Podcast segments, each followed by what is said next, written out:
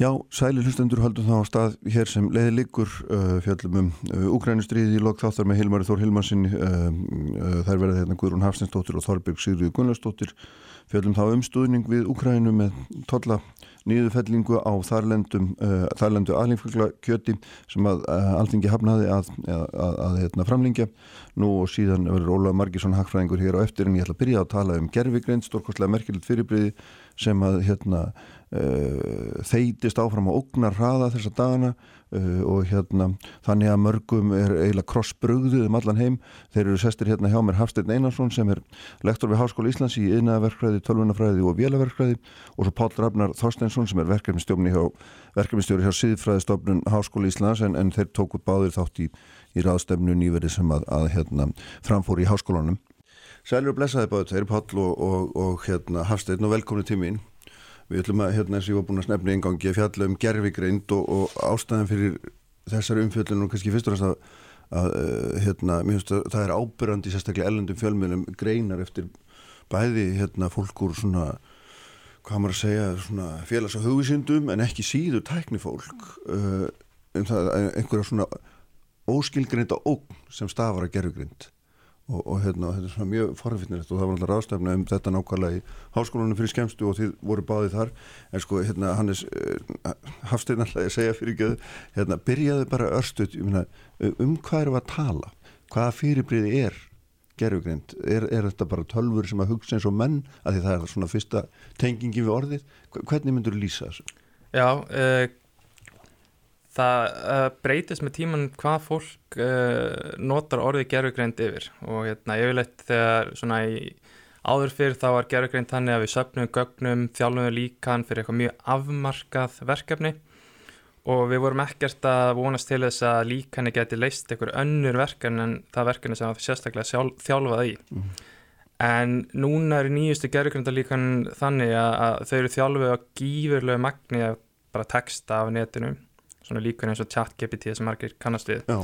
og allt í einu hafa þessi líkun getu til að leysa verkefni sem voru ekkert sérstaklega þjálfuð í. Og, og fólk byrja að kalla þetta eitthvað í líkingu við AGI, Artificial General Intelligence þannig að þetta næri eitthvað svona almennir í greind.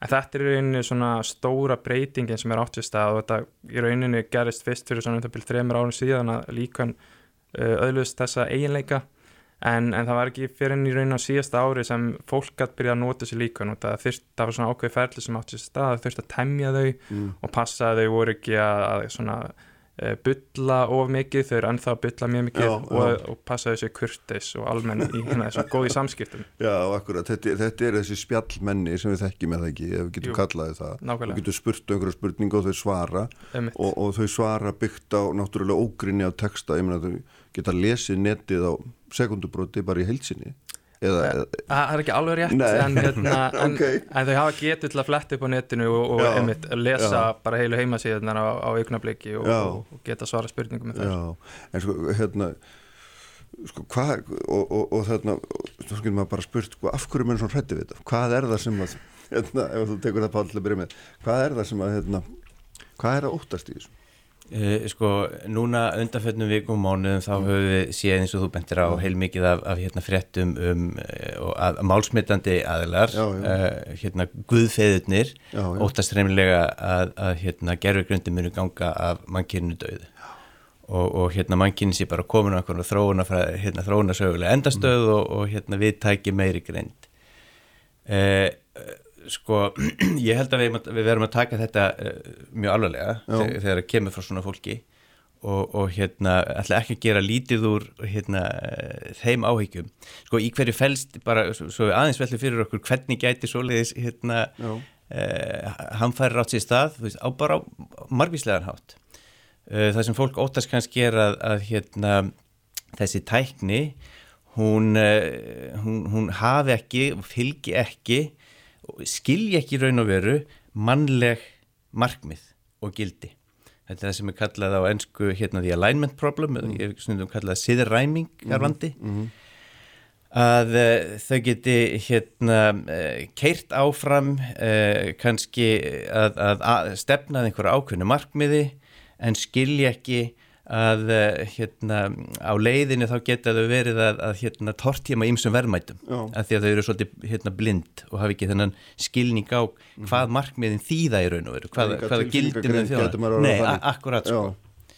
Þannig að hérna, það er eitt hérna, ein, ein leið og það, mm. ég minna Uh, sko ég held að fæsti sé að hugsa um sko að hérna vélmennin tæki yfir og, og hérna okkur verið breytt í raflöður fyrir hérna tæknina. En þú veist þetta er eitthvað sem myndi gerast á, á löngum tíma. Mm. uh, það sem ég, held fram er að, að hérna bæði að veist, það er ekkert víst að það gerist, það er ekkert víst að það kliki en jafnvel þó að, að hérna okkur tækist bara að, að gera þetta þokkarlega vel á þess að man, mannkynnið hérna degi út þá er þetta tækni sem að bara í eðli sínu uh, vekur mjög eh, áleitna siðferðilega spurningar uh, og, og uh, þær eru margar hverja hverstaslega, þær eru hérna, fjölmargar, þetta, þetta er tæknin sem kemur til með að hafa viðtæk og djúbstað áhrif mm -hmm. á, á mannlegt samfélag og ef okkur sko hérna tekst að, að, að vera ábyrg og takast á við þessar svona hverstaslegri hérna spurningar þá held ég að við sem í betri stöðu eh, til þess að bara komið vekk fyrir að, að allt verður kallt að kól sko. mm -hmm, mm. Og, og hérna kannski ef ég bara reyna að kjarna vandan uh, þetta er tækni sem núna uh, getur tekið ákvarðanir.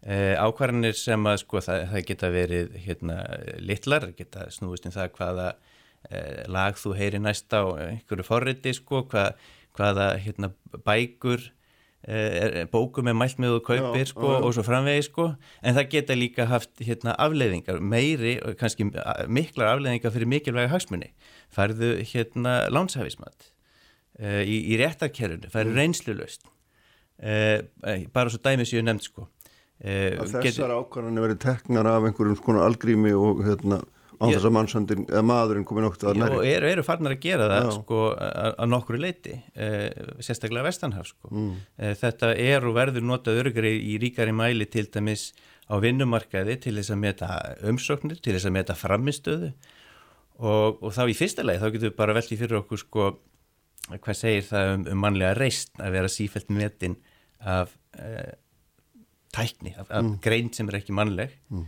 það er eitt en hitt að, að hvað, hvað verður og veru um þessa siðferðilegu ábyrð hver ber ábyrð á þessum ákvörunum og, og þá komum við mjög mikilvægu atriði sem er það að, að, að eh, þessi algrími mörg hver eru það flókin að jafnvel hönniðurnir sjálfur mm. eh, skilji ekki eh, fyllilega hvers vegna eh, þau komast að tiltekinni niðurstöðu við bara, við bara vitum það ekki Nei. og uh, það er uh, þetta er bara, þetta er algjört grundvallar vandamál vegna þess að einn af hotsteinum siðferðis er að, að geta gert grein fyrir aðtöfniðinu, að geta gert grein fyrir að réttlæta það sem þú gerir eða ákveður mm.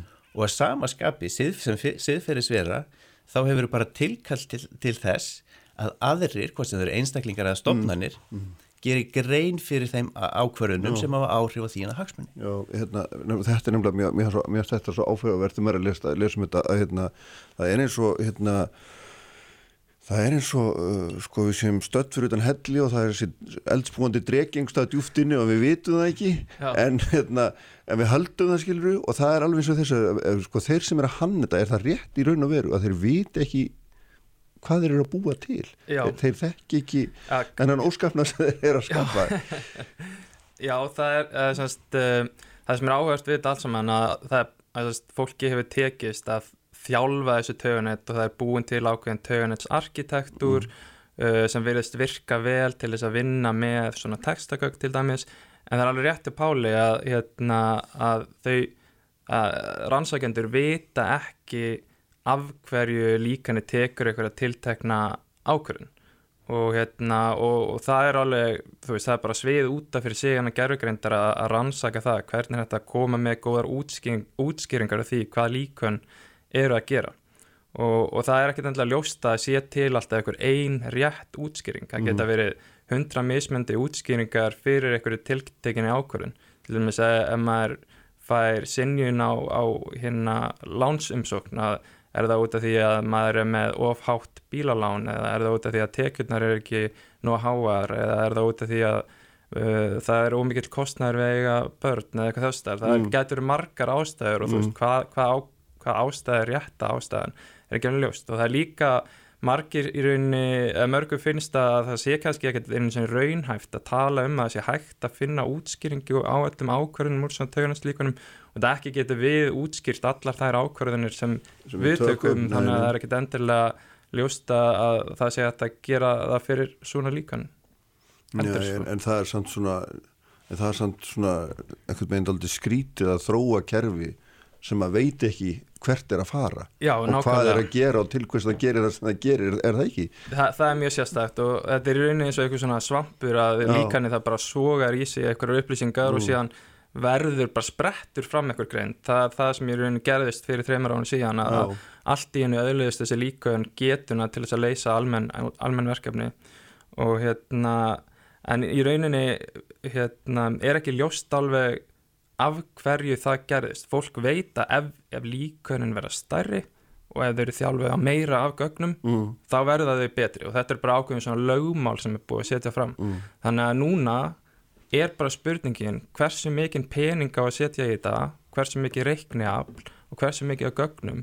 Og það er nokkuð ljóst að ef þessi lögmál standast þá verður, verða þessi net bara gáðari og betri og, og, og það til að þau geta tekið ákvarðanir fyrir okkur sem að við hérna ykkur er óttast það sko Já, en, já. hérna, en, en þetta er, svona er staðan í dag að, að það, við erum komin með eitthvað svona eitthvað leið, eitthvað lausn í átt að ennþá almennar, og betri greind Mhm. og það er kannski líka ástæðan fyrir að fólk farið að óttast að það er ekki eins og þetta sé bara eitthvað stopp núna þetta verður ekki betra. Nei, nei, og hérna, þannig að fólk er farið að huga að því bara hvernig ætla að taka á því mitt þegar þetta tekur fram úr okkur og kannski bara stekkur langt fram úr okkur. Já, því eins og nefnir þróun á sig hún var svo rosalega hröð allt í einu og einhvern veginn, ég veit ekki, maður fær tilfinningu að fólk hafi bara einhvern veginn mist stjórna og svona, er þetta ekki svipa bara og þegar að hérna fástseldi djöflunum sálsina fyrir hérna, þekkingu og, og holsins listisendur eða hvernig það nú var aftur skilur hérna, Já, að það, þú veist, þú ert búin að gjalda þekkinguna of dýru verði, menn þú varst svolítið að tala um það er ekki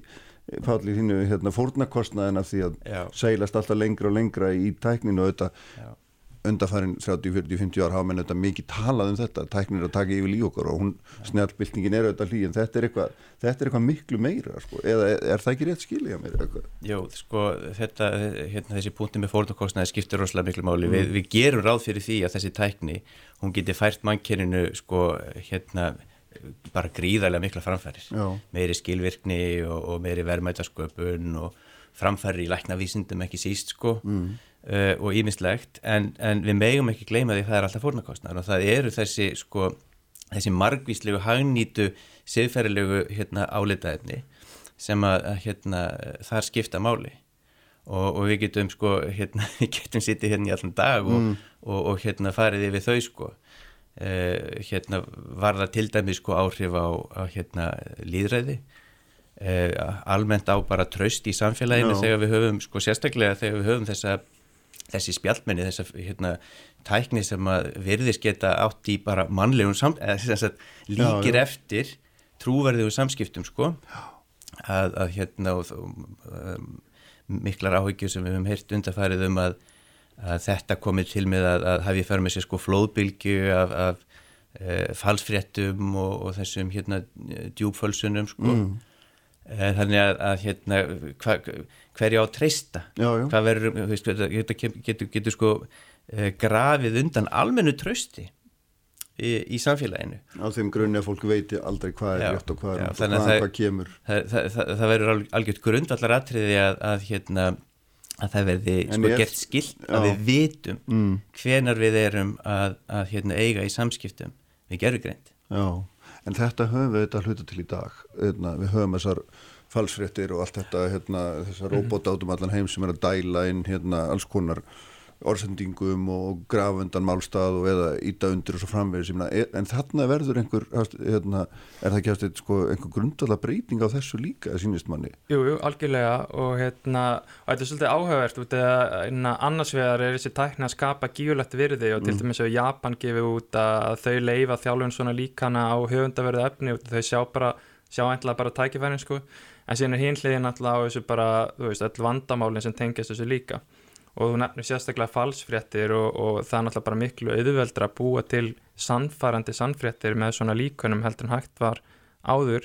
Og Pál nefndi hérna áðana að við þurfum að tala um sko þessa siðræmingu að passa mm. upp á þessa siðræmingu.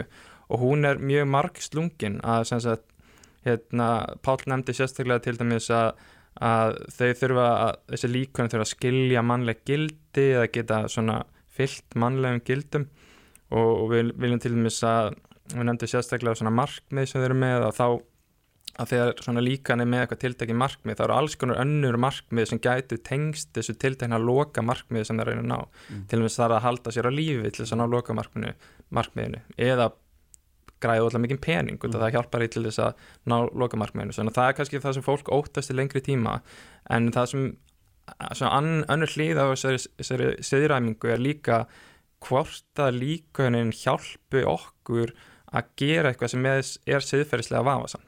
Þannig að mm. þú veist það er kannski langt í að þessi líkun fari að, að mögulega stutt, ég veit ekki en það er eitthvað tími að líkunin fari sjálfa að hafa stýra því hvað þau eru að gera. En til skemmri tíma þá eru kannski einhverju einstaklingar að fara að nota þessi líkun til þess að búa til sprengju eða mögulega búa til einhvern vírus sem getur drepið alla á jörðinni eða eitthvað þess þar og núna er það allt í enn orðið mögulega miklu einfaldara, Já. kannski ekki í dag en kannski með næstu útgáfi eða þar næstu útgáfi sem líkanum.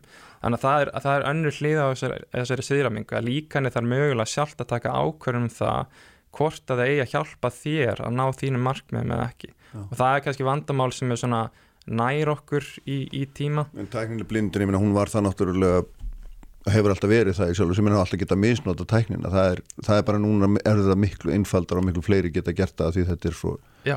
innilega auðvelt að hérna, setjast niður við fram á tölvun og bara Eimir. skrifa hvernig býja til hérna, eiturefni er það ekki og, og þá bara svarar hún er, er, er það ekki? Ja, hún, hún er ekki tilbúin að hjálpa þér að búa til eiturefni eða svona að þú spyr með einföldum hætti Nei.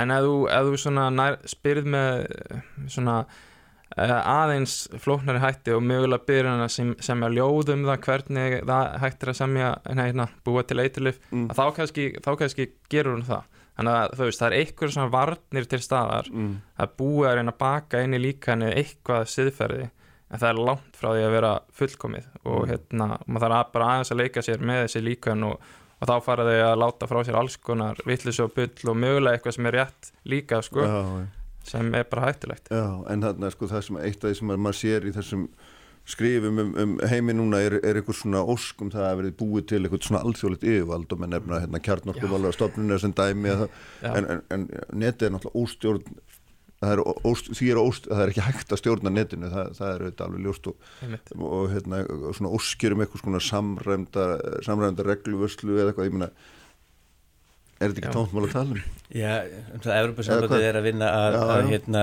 lögjöf og ég held að það sé einhver aðkvæðagreysli þessari viku um, um hérna framvindi þýmáli en, en svo lögjöf verður aldrei held ég tilbúin fyrir en eftir tvö ára eða eitthvað sko og það er svolítið langu tími já. ef við bara hérna, hórum aðeins yfir síðustu þrjú mm. ár sko, það mm. getur margt gæst um, og svo eru, eru ríki bara með gjör ólíka nálgun sko, bandarækjaman hafa í gegnum tíðina verið miklu meira að fókusera svona á þessa sjálfreguliseringu uh, hérna geirans. Uh, kynverður eru kannski hérna, kannski meiri hérna, hafa tilningu til að vera meiri stjórn sko. og ég, hérna, það þarf alveg augljóslega hérna eitthvað mm. að, að hérna gerist í þessu. stundum eða einhverju hafa sett kröfur um að það eru gert svona sex mánu að hlýja á þróuninni Já. til þess að menn bara nái áttum.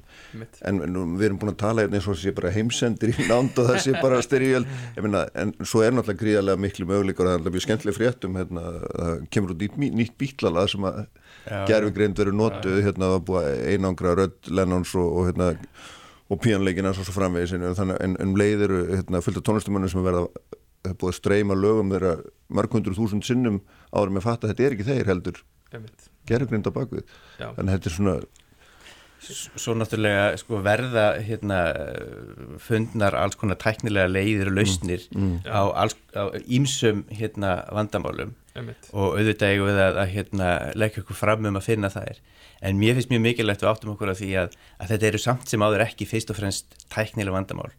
Og, og hérna eða álitaefni og, og lausnina verða aldrei að öllu leiti og sennilega ekki nema takmörkuðu leiti tæknilegar. Mm. Þetta eru álitaefni sem við þurfum að takast á í sem samfélag sko. Uh, snúa að hérna mismunun sem að getur komið fram í ákvarðanatöku sem er sjálfur uh, áhrif á, á líðræði uh, spurningar um persónamenn sem eru gríðarlega mikilvægar og, og hérna bara útenda heilan þátt samþjöpun valds að næst að þessi tækni hún kemur til með að, að færa ákveðum aðeins mikið vald mm -hmm. og, og spurningar um, um aukin hérna, efnæðislegan ójöfnið Mm -hmm. Það, það er líka svona aðalega veltið fyrir sér sko, núna er OpenAI að, að í rauninni byggja um að verða eitthvað regluverk í kringum þróun og svona líkunum Já. og fólk er svolítið að spyrja sér af hverju þau aðalið sem er að þróa svona líkun að, að byggja um þetta þau sjá í hvað stefnir vissulega en mögulega hafa þau eitthvað hagsmunni af því að það verði eitthvað regluverk í kringum þetta. Þannig að verði erfiðar fyrir aðra að vera í samkjafni við þau sko. þannig að hugsanlega eru þau bara að gera þetta til þess að venda sig og, og þá er rauninni bara kynnta þess að orðuræðu um hvað, hvað, í hvað stefnir sko. Já, já sé, þetta sé hérna, tilurinn til þess að halda markasíður á þeim. Já, af því að það er náttúrulega fjölmarkir aðrir að þróa svona spjallminni eða, eða þess, þess svona forrið Já, þau eru, þau eru samt langt á eftir Google og fyrirtæki sem er Anthropic sem eru komin ansið langt sko. en, hérna, en það sem er líka áhugast við þetta, út af því nefndi sérstaklega hérna, hérna bítlana og, og hérna, til dæmis hefur tónlistakona Grimes fyrir einhverja Elon Musk gefið út af fólk sem nota röttina hennar, má gera það en þá ætlar hún bara að fá hluta af tekjunum fyrir tónlistina. uh -huh, og, og með þannig nálgun þá er hægt að búa til eitthvað kerfi eins og stefgjöld eða eitthvað þessu þar sem hérna, gæti hjálpa fólki að vinna með tónlistamönnum mm. en, en til dæmis fyrir fólki sem samti textan sem hérna chat-GPT var þjálfið á þegar chat-GPT myndar texta þá er algjörlega óljóst hvaða texti í þjálfunarkökunum skiptir máli fyrir myndin og textunum, þannig að það er engin tenging þarna milli, Nei. þannig að miklu erfiðar að búa til eitthvað regluverk eða eitthvað mm. svona kerfi í kringu það, hver ætti að fá greitt fyrir það sem chat-GPT segir mm -hmm. En hvað, að því að þú ert úr tækni heiminn hvað, þú veist tak, eru menn þar bara með faðminn opinn og, og sjá endalega möguleika eða, eða er fólk almennt svona frekar skeptist eða hvernig svona myndur þú lýsa andrúrslóttuna því maður eru ekki oft, oftast þegar ný tækning kemur þá hefur maður miklu meira heyrt í tækningfólki segja já þetta er frábært, Já. sjá allar möguleika en núna heyrir maður alltaf rættir sko. Já, mín upplifun er svo að fólki finnst þetta almennt mjög jákvægt mm. samt er, fólk líka smegt Já. út af því að, að það er allt í hennu hægt að skrifa forrið með miklu einfaldri hætti með svona tækni þannig að fólk er jámil fara að vera rætt um störfin sín uh, OpenAI tók meðal annars þátt í, í gerða sagt, greiningu á hérna bara hvaða störfi er að verða fyrir áhrifum af þessari tækni. Mm. og þá bara fóruðu yfir skilgrinningar á störfum fyrir hvert starf voru ákveðni verkþættir. Og þessu að verkþáttur varð fyrir áhrifum ef hægt er að stytta tíman við að vinna þennan verkþáttum að minnst okkur 50% mm -hmm. og, og þá kom til dæmis ljós að, að starffræðingar eða allt sem þeir gera verður fyrir áhrifum. Og, og til dæmis sérstaklega þeir sem er að skrifa uh, sögur eða svona copywriters og þannig fólk verður fyrir gífurlega miklum áhrifum af þessari tækni og fólk er byrjað að sjá það bara strax í sta- dag að, hérna, að svoleiðis einstaklingar eru bara að missa missa vinnuna eða missa tækifærum út af því að fólk er ekki lengur tilbúið að greiða fyrir þessa þjónustu. Mm. allan ekki, ekki e, að, að lítur ekki svo á að, að hún sé mikil svirði og áður slík þjónusta. Þannig að það er það líka sem fólk óttast en, en svona fólk þarf svolítið að passa sig að halda bara í við þróunina og, og, og ég mæli með því bara að fólk prófi að nota þetta bara nánast í allt sem það er að gera. Uh, og ég held að sé bara eins og stanir í fyrir það sem er ekki mjög tölufróði hvað, hvað þýðir þetta þegar þú segir þetta nota þetta í allt sem maður er að gera? Nún er ég mikið bara í, í svona almennri þróun og forritun og, og þess að þar og skrifa greinar og hérna. Og, til dæmis í dag þegar ég er að forrita að, að þá kannski skrifa ég forrit og ég, ég kláur ekki forriti, ég skrifa bara þú veist, hérna ég eftir að gera þetta hérna á ég eftir að gera þetta. Síðan hendi ég því bara í chat-GPT og segi bara, heyrðu, getur þú klárað þetta fyrir mig? Og yfirleitt þá bara kemur það rétt út þegar maður hérna spyr með að skýrum hætti. Já, já, Þannig að þannig getur maður bara spara sér gífurlegan tíma og verkefni sem maður kannski áður að vinna á þreimur, þreimur dögum er hægt að vinna bara á kannski tveimur klukkutímum. já. Þannig að það eru svona hlutir sem er að hafa gífurlega áhrif á fólk að það bara gera skilvirkara í sinni vinnu.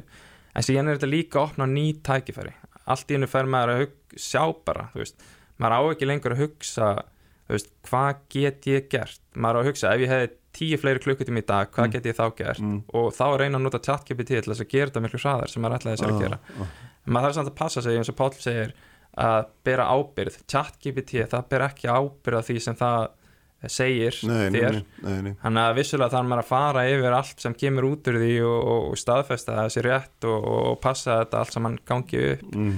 en, en þetta er svona hérna, Já, ætla Já. já, þe- þetta er að hafa mikil áhrif Já, greinlega, hérna, að að þetta fórhildin þetta, hérna, getur chat get, GTP, svo þetta sé rétt satt er það ekki, getið að skrifa hérna, kabla í, um síðfræði Já, ég, það eru til hérna bara trúurlegir trúurlegir hérna svoleiðis eh, kabla sko, Já. en ég finnst bara svo, þetta var svo skemmtilegu punktur að, að, að hérna hvetja fólk til þess að prófa, prófa þetta í eiginlega öllu sem það gerir. Og þá spyr ég sko, hvaða áhrif hefur það á samskipti okkar á milli til, til lengri tíma þegar við erum farin að nota þetta í nánast öllu ég las um daginn að, að sko hérna, það eru svona stefnumóta forrið sem eru með innbyggt hérna, gerðugreinda spjall sko þannig að þú þarft ekki að vera að hérna, eða miklum tíma í að, að vera hérna, romantískur eða eitthvað svolítið sko e, semja kvöldsögurna fyrir börnið þín og, og hérna svo framvegis og framvegis og framvegis sko hvað hérna Fyrst, ég er ekki að segja að þetta hljóti að vera eitthvað hræðilegt Nei. en það er mjög er áhugaverð spurning sko, hvað já. verður þegar, Já. Þegar hérna, þessi gerfigreind sem að er ekki mannleg eh, er farin að hérna, búa til svona mikið af textanum sem að er í raun og veru hérna, bara efniviðurinn í okkar samfélagi Já.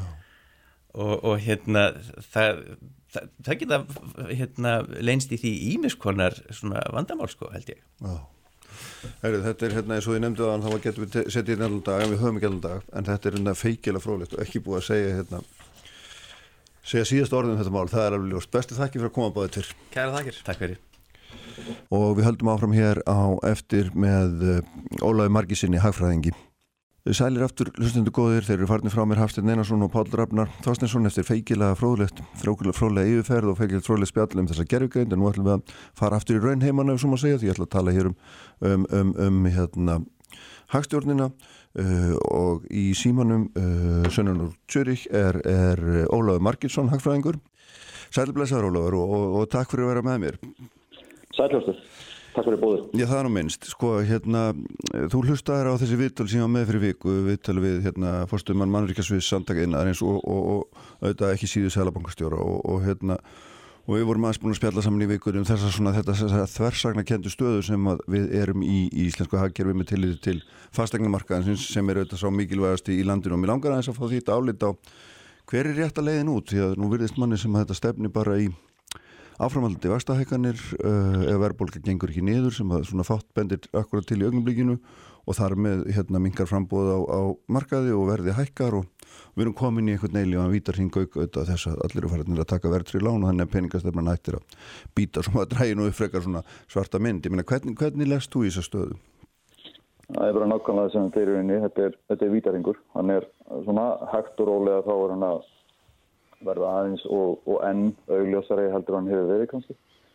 En, en því miður þá er bara þetta er, þetta er kerfislega hegðunin á Íslandi. Það er uh, sett, það er ómiklat skorður á frambóð uh, bara almennt.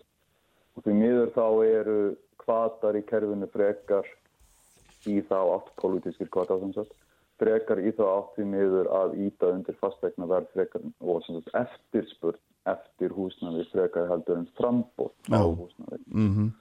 Og það er bara kannski einfaldast að, að sagt ímynda sér að bara hver, hver er stærsti hópurinn á Íslandi sem er, sem er að nota leiguverð eða leiguhúsnaði. Það eru sérstaklega sagt það er, er, er vinnuafl, það er aðflutt vinnuafl sérstaklega og kannski ungir Íslandingar og, og, og Íslandingar sem eru, sem eru kannski ekki nægilega ríkir einfallega og ekki með nægilega mikla tekjur til að geta keipt húsnæði. Og þú getur ímyndað þér að það er ekki margir, er ekki margir aðfluttir einstaklingar á Íslandi sem geta kosið sem dæmi. Mm -hmm. Þannig að það sem gerist er að það er það er kvati, pólitískur kvati til þess frekar vegna þess að kjósendur eru að meiri hluta, þeir eru fastinni eigandur og þeir eru ekki á leikumarkaði. Það er frekar ítt undir það að húsnæðinsverð sé á leiðinni upp, frekar en ekki, en þess að það er að auka uh, auð, sem sagt, kjósenda. Já. Og þá er náttúrulega einfallega bara því meður, kerfið er, er þá í rauninni, það er hæg bjagað í þá átt að íta frekar undir eftirspurn á, á húsnæði, sem sagt, kannski leigu, uh, leigubætur og, og, og vaksta, vakstabætur og slíkt, frekar heldur en að íta undir það að það sé kerfisleg aukning á húsnæði eða fastegnum, hvernig sem það er skortur það.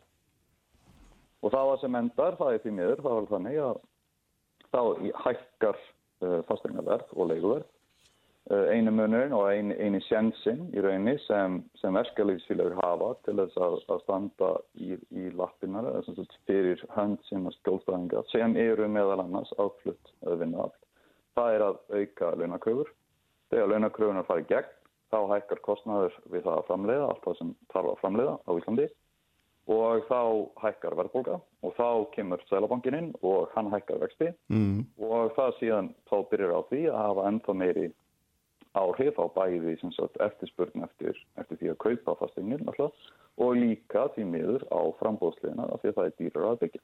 Já, þannig að hérna, þetta er bara raunstaðan sem þú ert að lýsa núna þínu mati en, en just, ef ég fæði að spyrja þig, hérna, meina, hver er leiðin út? Er, bara, er, það, er það þessi innfalda frambóðsleið sem að er, er það eina, eina leiðin? Er, við bara að tala um það? Er er einhverjar aðrir þættir?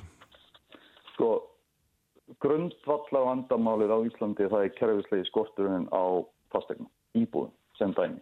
Og af því að ég býðis við þá, þá hérna, get ég nefnt sem dæmi. Mm. uh, síðan svo 20 ár þá hefur verið 20% fólksfjölgun í Sviss. Sem til samanbörðar þá er fólksfjölgunin á Íslandi 30% pluss mínus. Á þessum 20 árum þá hefur uh, 300% er hækkunin á húsnæðisleina á Íslandi í, í vístöluðu næsluverðs. Yfir þessi 20 ár er hækkunin á húsnæðarslinum í Sviss 27%. 300% á móti 27%? Já. Já. Það er 160% verðbólka á Íslandi í síðustu 20 ár en það er 10% verðbólka í Sviss í síðustu 20 ár. Samtals. Mm. Grundvallar munurinn er sá að í Sviss þá er ítt undir frambót á íbúðum það er stór legumarkaður, það er kvati fyrir lífyrirsjóði til þess að senda inn í lífyrirsjóði og stóra sagt, fastegna fjárfesta til þess að byggja til að leia og það sem gerist er þá að einfallega leiguverð og fastegnaverð og leiguverð sérstaklega sem er mikilvægast af í þessu hmm. því er haldið niður í menn að þess að frambóðið nægilega mikið og frambóðið nægilega mikið til þess að mæta uh, fólksfjölgurinn yfir, yfir allt tímanbilið og þá einfallega er haldið niður í á sama tíma kröfunum á launum og slíkt, nafnlaunum sem sagt, og þá mjög einfallega vingar verðbúkuturistingurum á sama tíma. Mm. Það voru að íta kerfinu á Íslandi í átt af því að bræðast við, hvena sem það er verðbúka á Íslandi, að bræðast við því þannig að það sé meira byggt, mm. að, reyna, að reyna að leysa verðbúka á Íslandi ekki með því að keira eftirspurnan hliðina í kreppu eins og Sælabankin þarf um niður að gera í dag með því að hækka vexti. Já, með því að keira hana niður, já. Heldur frekar, heldur að keira frambóðsliðina upp. Já. En það er bara því niður ekki kerfislega hefðurinn á Íslandi. Næ, og hvað þarf að gera til þess að breyta þessari þessu kerfis hérna, læga, þessu kerfislega ástandi sem þú ert að, að nefna þínum aðti? Sko ég kom til Íslands í oktober í fyrra, ef maður rétt, mm. og þá tók ég með mér uh, sérfræðinga á, á vegum, uh, það, er, er batteri í Brussel sem er að íta undir það meðal annars að það sé ítt undir fjárfestingar uh, í, í fastögnum uh, yfir alla Európu. Og ég, við vorum með fyrirlestur sem bæði sem sagt, fulltrúar sveitafélaga, fulltrúar ríkistjórnar, fulltrúar uh, lífriðsjóða uh, voru á og það er einfallega vorum við að benda á það að til þess að koma kerfislegu hegðunni á Íslandi í það oft að byggja meira, byggja meira leiguframbóð sérstaklega, þá voru að breyta regluverkinu. Og regluverki sérstaklega er mikilvægt þegar kemur að því að auðvelda lífeyrisjónum út frá regluverkinu sjálfu að hafa kvata til þess að byggja til að leia mm -hmm. sem dæmi. og það, þessi kvati, þetta regluverk, það er ekki til á Íslandi en það er til í fullt af löndum í Európu og Sviss meðal annars og það er þessi hægðun og þessi kerfislega breyting sem þarf að eiga sér stað sérstaklega. Það er þessi grundvallar langtíma þróun sem þarf að breyta. Ertu að tala um reglverk sem að, alveg sérstaklega sem að heimila lífur í sjónum að, að nákvæmlega festa í, í, fyrir í fastegnum sérstaklega með leigu uh, hérna fyrir augum? Heimilar og hvetur og beinlýnist til þess að fjárfesta í því sérstaklega að byggja íbúðir með það markmiði að leia þeir út Já. sem dæmi. Og sem dæmi þá get ég bara menn, get ég minnst á það. Það eru margir lífriðsjóður í, í, í Sviss uh, sem eru með um það til 15 til 20% af sínum eignum í fastegnum. Þetta hlutvallir er nokkur veginn ekki, það er ekkert nokkur veginn á Íslandi. Nei, það, að við séum náttúrulega eru, eru einhverju veð í fastegnum náttúrulega í gegnum einstaklinga en það er sannlega það eina er það ekki? Það er makkanlega. Svistinskir lífriðsjóður þeir eru miklu meira í því að byggja til að leia. Þeir eiga afskaplega lítið í formi íbúðalana en á sama tíma er, er sagt, kerfið á Íslandi það er frekar í þá átt að lífriðsjóðunir eru að lána til þess að kaupa eignir sem stegar er búið að byggja. Já. En það eina sem er þá að gerast í rauninni er að lífriðsjóðunir eru eins og gerðist árið 2017 þegar það var mikil aukning í lánum frá lífriðsjóðum í formi íbúðalana að þá einfallega hækkar verður. Þannig að það er meira af lánum að eldast í sama magnið af íbúðum. Svo eina, eina sem gerir það er að hæk, þá hækkar verður. Já, já, það var náttúrulega auðlust um leið að vextirni fóru nýður á Íslandi þá, hérna, þá snar hækkaði verið á, á fastegnum. Það, það, hérna, það gerðist auðvitað þvert á, á vonir margra held ég. Já, já, og, og því miður þá er það, sagt, það, það, það var tvent í því, þá var í bæði þá var verið að auka mjög mikið lánveitingar til þess að kaupa og á saman tíma er náttúrulega augljóslega uh, þegar, þegar vaxtastig lækkar þá hækkar verð á fastegin saman í rauninni hvað, hvað leiður verður að gera á saman tíma. Já, En hvernig, hvernig voru viðbröðin við, hérna, við þessum hugmyndum ykkar eða þessum, þessum hérna, þessari framsningum? Uh, í oktober þá var allavega að tala um það að þetta var góð hugmynd, svo hef ég ekkert heft Nei, akkurat. Það er klassisk viðbröð Það er hérna, en hvernig svona, burt sér frá þessu, hvernig lestu svona í efnaðarstöðuna hérna núna, ég meina nú eins og, eins og ég var að reyna að draga saman í upphafi þá, þá sjáum við það að núna eru nánast öll án að fara yfir í verðrið, þau fáið sem verið er að veita vantarlega núna, þau hafa dreigið þetta stórlega úr en það er búið að kæla fastegnamarkaðurinn uh, alveg gríðarlega, en þetta þá hættir peningastefnan að býta eins og við vitum ef allir fari í verðrið lán, það er þetta, hvernig sér þetta þróast? Er svona kannski svolítið svipað eins og, eins og kannski 2001 og 2002 um það byll fyrir utan að það er ekki uh, halli á viðskiptum við, við, við útlund. Mm. Þannig að það sem, það sem er ólíklegt kannski að gerist að það verði einhvers konar verðbólku uh, þrýstingur út af því að krónan sé að falla. Þannig að þess að einfallega í dag þá er eins og er venjulega sagt, þessi, þessi gamla íslenska hagsöfla þá hérna byggðist upp mikil halli á viðskiptum við útland sem síðan þurfti að leira þetta með því að, að leifa gengi krónin að falla. Þessi viðskiptahalli er ekki, það er ekki verið að byggja upp ja, mikið viðskiptahalli eins og áður. Þannig að það er ólíklegt að, að krónan gerir mikið meira heldur en kannski bara sveipast í kringum til gildi sem hann hefur verið á síðasta eina, eina og halva ári eða svo pluss mínus. Mm.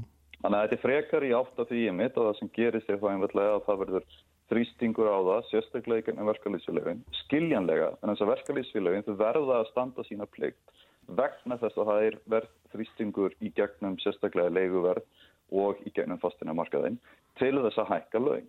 Og það sem gerist er að einfallega þá endum við í þessari, þessari spennutreyju mm. og sem það er þessi, þessi endalöysa sagt, spenna á milli þess að vera að sagt, hækka lögin og á sama tíma er þá leiguverð sérstaklega að hækka á sama tíma. Þannig að í, í rauninni þá er, ég, ég skil mjög vel að Sælabankin hann er að reyna að hækka vexti til þess að keira eftirspurnarleginu niður. Já, já. Það, er, það, er, það, er hans, það er hans markmið og bókstaflega hans, hans ábyrð að gera það. En á sama tíma þá er hann fyrir miður að, byggja upp á hættu með því að hækka vexti og leifa svona mikið af verðtröðum lánum að, að vera tekinn að þá er hann að byggja, byggja upp á hættu og að sé einhvers konar vakstamuna viðskipti um, með krónuna. Já. Þá endur við kannski þó að sé ekki endilega sko þessi, þessi, klassíska fall á krónunni til þess að leira þetta viðskiptahalla það endur við samt sem áður með, með, með meiri óstöðuleika á króni en þess að það er fólk að fara inn í en á útrunni það er stöðinni á hver, hverjum tíma og það er ekkert, það er ekkert, það, það eigur ekki á stöðuleikan heldur. Nei, nei, nákvæmlega þannig að hérna sko við, við erum að horfa fram í, framan í sko það hálfu bankans, allir selabankans hann hefur líst í yfir að hérna vexti verða áfram hækkaður ef ekki næst að hérna að koma einhverjum böndum á, á stöðuna. Og það er bara alveg skýrt og síðast var náttúrulega gríðarlega hækkun sem áttu á vantla að duga út sömarið og svo hérna munum en uh, skoða stöðun í haust. En hvað, þú veist, nú er búið að hækka vexti held í 13 sinnum í röðu í mandar rétt. Hva, hva, það hljóta verið einhver efri mörg á á svona ferðlir, það ekki, er þetta bara hva, hvernig lest í það? Og það er, og það er þessi klassíska, þetta, þetta klassíska vandamál með það að við halda fjármjölulegum stöðuleika á sama tíma og þú ert að hækka vexti mm. til þess að, til þess að, að slástu við verðbólku. En sem dæmi, sko, ásker hennar myndist á það að, að, að það væri önnur tól sem Sælabankin geti og meðal annars væri hennar að það, það væri möguleiki að takmarka sem dæmi útlána myndum og útlána veitinga á bankana. Ég held að það sé miklu, miklu sérhæfara og betra tæki heldur en að hækka vexti yfir alla línuna. Mm. Og bara sem dæmi, um, hallin á ríkisjóði síðustu tólmánuði, eða svo að uh, hérna, frá tólmánuðin sem enduðu í, í mars uh, núna í, í, í 2023, það var í kringum 130 miljardar sem dæmi. Á sama tíma voru íslenskri bankar að veita næstum í 500 miljardan í ný útland. 300 miljardar af þessum, af þessum 500 fóru til fyrirtæk mm. og það sem þarf í rauninni að gera augljóslega þá er, þá er vakstahækkun ekki að býta á útlána myndun og vilja bankana til þess að veita uh, útlán til fyrirtæki sérstaklega og þá er einfallega það sem og náttúrulega á sama tíma út í ímyndaðir það sem gerist er að, að mörg fyrirtæki þau starfa á fákjörnismarkaði á Íslandi Þegar Sælabankin hækkar vexti þá hækkar fjármálskostnaðurinn fyrir þessi fyrirtæki. Þau á sama tíma, af því að þau eru á fákunninsmarkaði, þá geta þau veitt allri, allri hérna, hækkurinni á sínum fjármálskostnaðin beint út í verðlag. Það er ekki að hjálpa peningastökunni á sama tíma heldur. Nei. Og það sem þyrti þá að gera í staðin fyrir að hækka vexti, það er einfallega að fara að setja upp og taka upp útlánastíðingu. Og það þarf að veita meira af útlánum í til dæmis byggingageran. Það þarf að auka uh, hérna, fjárfestingar í, í íbúarbyggingu til muna. Uh, ef við maður rétt þá voru, þá voru 40 miljardar sem voru hérna, fjárfestir á fyrsta ásfjörðingi í íbúarlana fjárfestingu. Það þurfti að vera svona 50-60 til þess að viðhalda og ná upp í skortinum til þess að sem, sem búið að byggja upp. Til þess að geta gert það þá þurfa byggingafyrirtæki, það sem þetta verktakar, þau þurfa meira af útlánum En að meðan þau eru ekki að koma, þau tóttu þau hafa augljóslega aukist, þá geta þeir ekki uh, framleitt og, og byggt mægilega mikið af fastegnum sem þarf að gera. Nei, en það er náttúrulega engin fyrirsjáanleiki á þessu markaði fyrir þau heldur, það er svo sem, er, er allir sömu sögs heldur þar. Já, svolítið, en á sama tíma fyrirsjáanleikin hann eikst ef vextir eru ekki hækkaðir jafn mikið og, og, og, og væri gert annars. Mm. Frekar heldur en frekar ætti sagt, að, að, að veita meira af útlánum, þá þarf að beita útlánastýringu á bankana, frekar heldur en að beita verðstýringu, það er að segja vakstastýringu á, á, á útlánin, til þess að útlánin frá bankunum séu að flæða í þá átt að byggja meira af fastegnum og að auka framlýslu getu innan hagkerfisins til bara almenna þátt að þetta er ímyndaðir uh, einfallega bara fyrirtæki sem eru að auka sína framhengslugetu því meiri sem framhengslugetan er því meira frambóð er hægt að, að veita því meira frambóð því minni verður bókutrýsningu mm. Og ef, ef vakstastíðin er, er haldið stöðu þá mingar uh, óvissan sérstaklega á fastanarmarkaði sem týðir þá að byggingavertakar eru til í að byggja. Já. Sko, hérna, eitt sem að mér er svona forvittnilegt í þessu tengt er auðvitað, sko, er ekki staðningt með það, getur maður ekki lesið þannig í þessu stöðu núna í raun og veru, þá er hallin af þessari verðbólgu, hann er greittur af lántakendum á fastegnamarkaði, það er raun og veru eina það er eina úrraði sem er í gangi og, og allir aðrir allir aðrir allavega þú veist færað þjónustað sjáur og dögur og svo framvegis standa vel og gengur vel sem er gott auðvitað en hérna en, en hallin af þessum auknu umsvöðum þegar verið er að kæla hakkerfi hann kvílir einhvern veginn allur á þessum eina hópi og það veltir svolítið fyrir sér er, er það með þessari útlánastýringu sem þú ert að nefna þá væri hægt að breyka uh, þann hóp sem að tekur á sig byrðarnar ekki satt? Breyka hópin og fyrst og fremst að auka frambóðið á þeim vörum og á þeirri þjónustu sem þarf að framlega á hverjum tíma. Og það er fyrst og fremst það sem er skorturinn á. Það er ekki, það er ekki sama að berjast við verðbólgu með því að berja niður eftirspurnarliðina og að ítægandi frambóð 100 miljardar í ný útlán sem dæmi var allt í lægi ef, ef þau fara öll í það að byggja nýja rýbúð. Mm -hmm. Tænslu áhrifin af slíku á verðlag er ekki það sama og ef þessir 100 miljardar fari í það að vera kreditkortalán sem dæmi. Já. Bara til að taka, til að taka íkt dæmi af, af henni leðin. Já, já, akkurat, akkurat. Akkurat, en þarna, já, einmitt. En það sem við sjáum fyrir okkur svona næstu mánuðin er, er minna, að því nú vitum við að frambóðið er ekki að fara aukast, við sjáum það í, í þessum, hérna, þessum spám bæði húsnæðis mannvíkstofnunar og samtaka innanins út frá þeim tölum sem að svo stofnun hérna hefur byrtað hérna byggingafyrirtæki vilja strekka vera að draga saman seglin. Já Og, og það er einmitt nákvæmlega sem eru einni, þetta skamtíma og, og svona til miðlungs langtíma vandamál sem þarf að, að, að, bregða til það saman tíma. En þess að auðvitað að þú, þú, þú kemur ekki kerfisbreytingu í gegn nýja koma áhrifin af kerfisbreytingu fram fyrir eftir langan tíma. Sem þýðir þá sérstaklega að það þarf að gera annað sem tekur stittri tíma og hefur áhrif strax á til dæmis verðbóku eða verðlag sem, sem, og sem til þess að leysa eins mikið á frambóðsvandunum og hættir á eins skömmun tíma og hættir mm. og sem dæmi þá má uh, lækka virðsöka skatt á matvæli.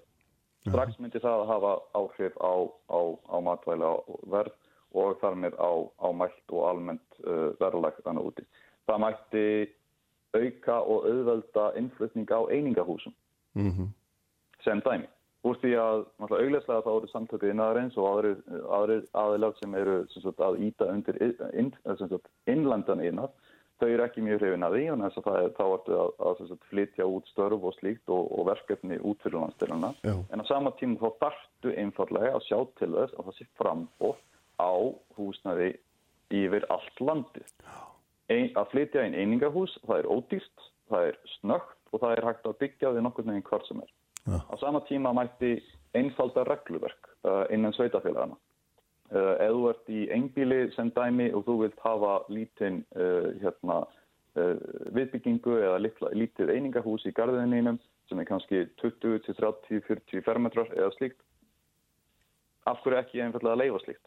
Mm -hmm. Það bara að íta undir að meira af slíkum svona, það sem er kallað á ennsku er þetta kallað uh, gramífatt, það er um, ömmuskúrar þannig að það er ætlast til þess að það er, hugmyndin er þá að, að, að það sé uh, kannski sagt, einstaklingur eða par sem er að búa í slíkum uh, íbúðarhúsum sem eru það einfallega bara til byggði í bakalunum hjá fólki.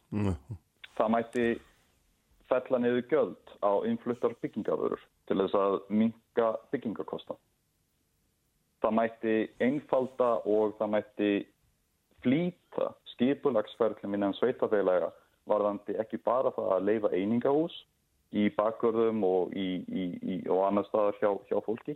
Það mætti einfalda sem dæmi hvers konar fastegni verið að byggja. Það var eitt dæmi nýlega það sem, sem brandarinn var að þetta var hús sem var verið að byggja fyrir bíl og síðan bólausan lífstíl. Þannig að ein, ein af íbúðunum í húsinu hún var auðvist sérstaklega án sömnherbyggis og ástafan fyrir því var að það, var, það, var ekki, það mátti ekki byggja eins mikið af tökjaherbyggja íbúðum í viðkomandi húsi eins og skipalagsvöld af því að skipalagsvöld voru að tamaka það.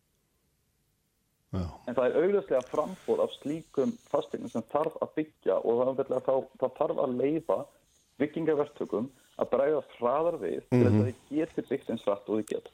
Ég heyri að þú ert með hérna, fjálmargar hugmyndir og hérna, ég bara gerir ráð fyrir að þú verður hérna, aftur í oktober og, hérna, og komir með þær og við veitum það að drópin hóla steinin en við komumst ekki lengri í byli, hérna, þetta var gríðala fróli takk innilega hérna, Ólaður Marginsson fyrir fyrir að vera með mér í dag Takk, takk Uh, við heldum svo á setni tímanum eða á setni klukkutíunum hér á Sprengisendum í dagförum við aðeins uh, svona tengjum okkur við, við Úkrænu ástandi þar, þær verða hér fyrst uh, Guðrún Hafsteinsdóttir og Þorbjörg Sigriður Gunnlausdóttir og svo Hilmar Þór Hilmarsson professor við Háskólinu á Akureyri Sælir afturlustundur, uh, hér í lokþáttar verður hjá mér Hilmar Þór Hilmarsson, professor við Háskólinu Akureyri, fellum þá um stöðuna í stríðinu, uh, austur í Úgrænu, innráðs úrsa þar og, og, og, og það er afleðingar sem hún er, er að hafa, þær eru að byrtast náttúrulega með mjög skýrum hætti þessar vikunar, en við ætlum að fjalla, já, hérna innanlandsvettvangi emitum skildmálefni, því við ætlum að fjalla hér um afgræslu alþingis á... Uh, Máli sem vakti miklu aðtikli þegar að, að því var hafnað að framlengja undan þáur, tollundan þáur á, á Ukrænst alífugla kjöt og þeir eru sestarinn hjá mér Guðrún Hafstinsdóttir og Þorbjörg Sýriður Gunnlaugsdóttir.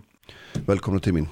Takk fyrir. Takk, takk. Eh, þannig að ég ætla að taka það fram svona bara rétt í upphæfi svo að það séum ekki miskilingur að við erum að taka þetta upp aðeins hérna, maður sem á náðin og taka upp þetta upp fyrirfram þannig að við vitum ekki guðrum hvort þú eru ránir á þeirra þegar hérna, þessu, þessu verður útvarpað en, en það kemur þá bara í ljós en allavega, mér langaði að tala við ykkur um hérna, þetta, þetta mál sem að, uh, var í þinginu fyrir skemstu um, um um, áframhaldandi tóttfrjálsan ingang, aðgang hérna, uh, á úkrænsku alífugla kjöti til Íslands, þetta er auðvitað svona bara, þetta er kannski ekki stórmál en þetta er einhver leiti prinsipmál líka. Og Guðrún þú fórst fyrir, fórst fyrir nefndinni sem ákvað að leggja ekki fram frumvar til þess að framhalda þessari, þessum undan þá og langar að fá skýringur frá þér af hverju ekki? Sem, sem flestum finnst að blasa við að, að hérna, þessi góðu leið til þess að styðja við þjóði miklum krökkum.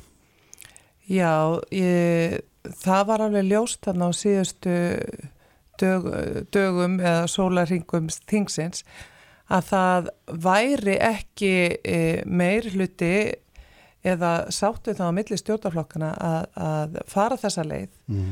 og því taldi ég það að e, já, ljóst að, að það væri erfitt fyrir nefndina að leggja þetta fram eða, eða stiga þessi skref Ég kallaði líka eftir því að, að e, ríkistjórnin eða að e, formen ríkistjórnaflokkana hefði þurft að stíga þá fastarinn í málinu og, og hérna það hefði verið í lóa lægið fyrir einhverja ráðherra ríkistjórnarinn að leggja þetta fram. Mm. En, e, en það var bara, e, já, ekki samstafu um það. Þannig að þú ert ekki, ekki ansnúin þessu sjálf að gera þetta? Uh, jú, Þú ert það? Ég er það sjálf, Já. persónlega. Já. Ég var mótfællin því að fara þessa leið eins og gert var og uh, framsónaflokkurinn sömu leiðis og, og fleiri þingmenn innan mm. sjálfstæðsflokksins og ykkur er hjá venstrikrænum. En ráðhverjarnir þín í stig upp hver og fætur öðrum og, og lístu viljað sem til þess að fara þessa leið? Já, það voru allavega tveir áþeirar sem að stigu fram og, og lístu yfir uh, vonbrið sínu með að þetta væri ekki að fara að gerast. Mm -hmm.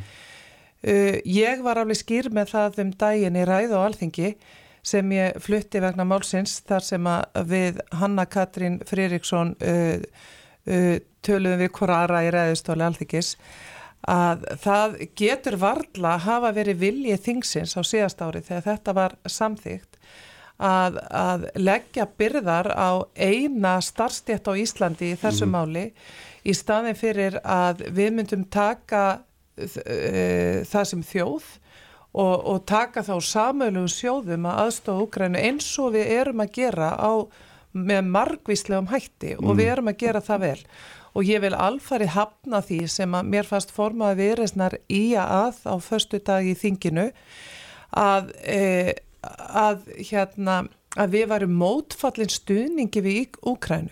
Ég held að það sé mjög ríkur vilji alþingis til þess að styðja Úgræni með öllum, öllum mætti en það er mitt mat að við getum ekki gert það og á sama tíma stemt í voða hér atvinnugrein á Íslandi mm -hmm. og af, rekstrar ákomi bænda. Mm -hmm.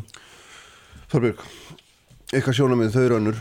Já, ég meina þetta mál snýstum, uh, þetta er utanrikismál, mm -hmm. þetta mál og það er ár síðan að alþingi setti lög um tollfrelsi, þá var að Bjarni Benediktsson sem laði fram frumvarp um það og rökin voru þau að það var Úkraina sem óskaði eftir stuðningi og stuðningi í þessu formi.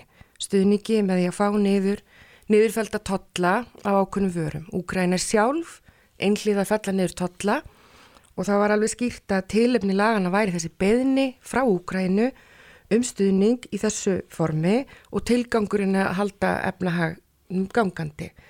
Um, síðan gerist það að ári setna bakkar alþingi Íslandinga þá út úr þessum stöningi. ESB hefur farið í þetta, Breitland hefur farið í þetta, þannig ég held að það sé ekki að líta fram hjá því. Þetta snýst um það hvað auðaríkspolítík ríkistjórnin eða alþingi er að spekla og þegar að formar nefndarinnar nefnir hér að einhverjum ráðurum hefði verið í lofa lægið þá lítur svo gaggrinni þá að beinast að hennar formanni. Hennar formar laðið fram þetta frumvarp í fyrra.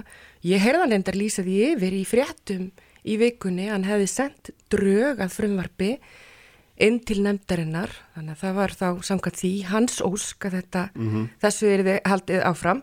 E, Þarna kemur líka fram hjá varaformanni sjálfstæðaslokksins, hún lýsir yfir miklum vombriðum, forsettisráður ríkistjórnarinnar, talar um hún vilja halda þessu áfram, þannig eitthvað svona um að hér sé viðreistn að gefa eitthvað til kynna, Um, þá held ég að, að hérna, það þurfa að hlusta á það hvað fórustumenn ríkistjórnarflokkana mm. er að segja að vísu ekki, ekki framsunarflokkurinn uh, það kom alveg skýrt fram hjá formannu þess flokks að, að þau voru á því að, að hérna, þess, þessu ætti að hætta.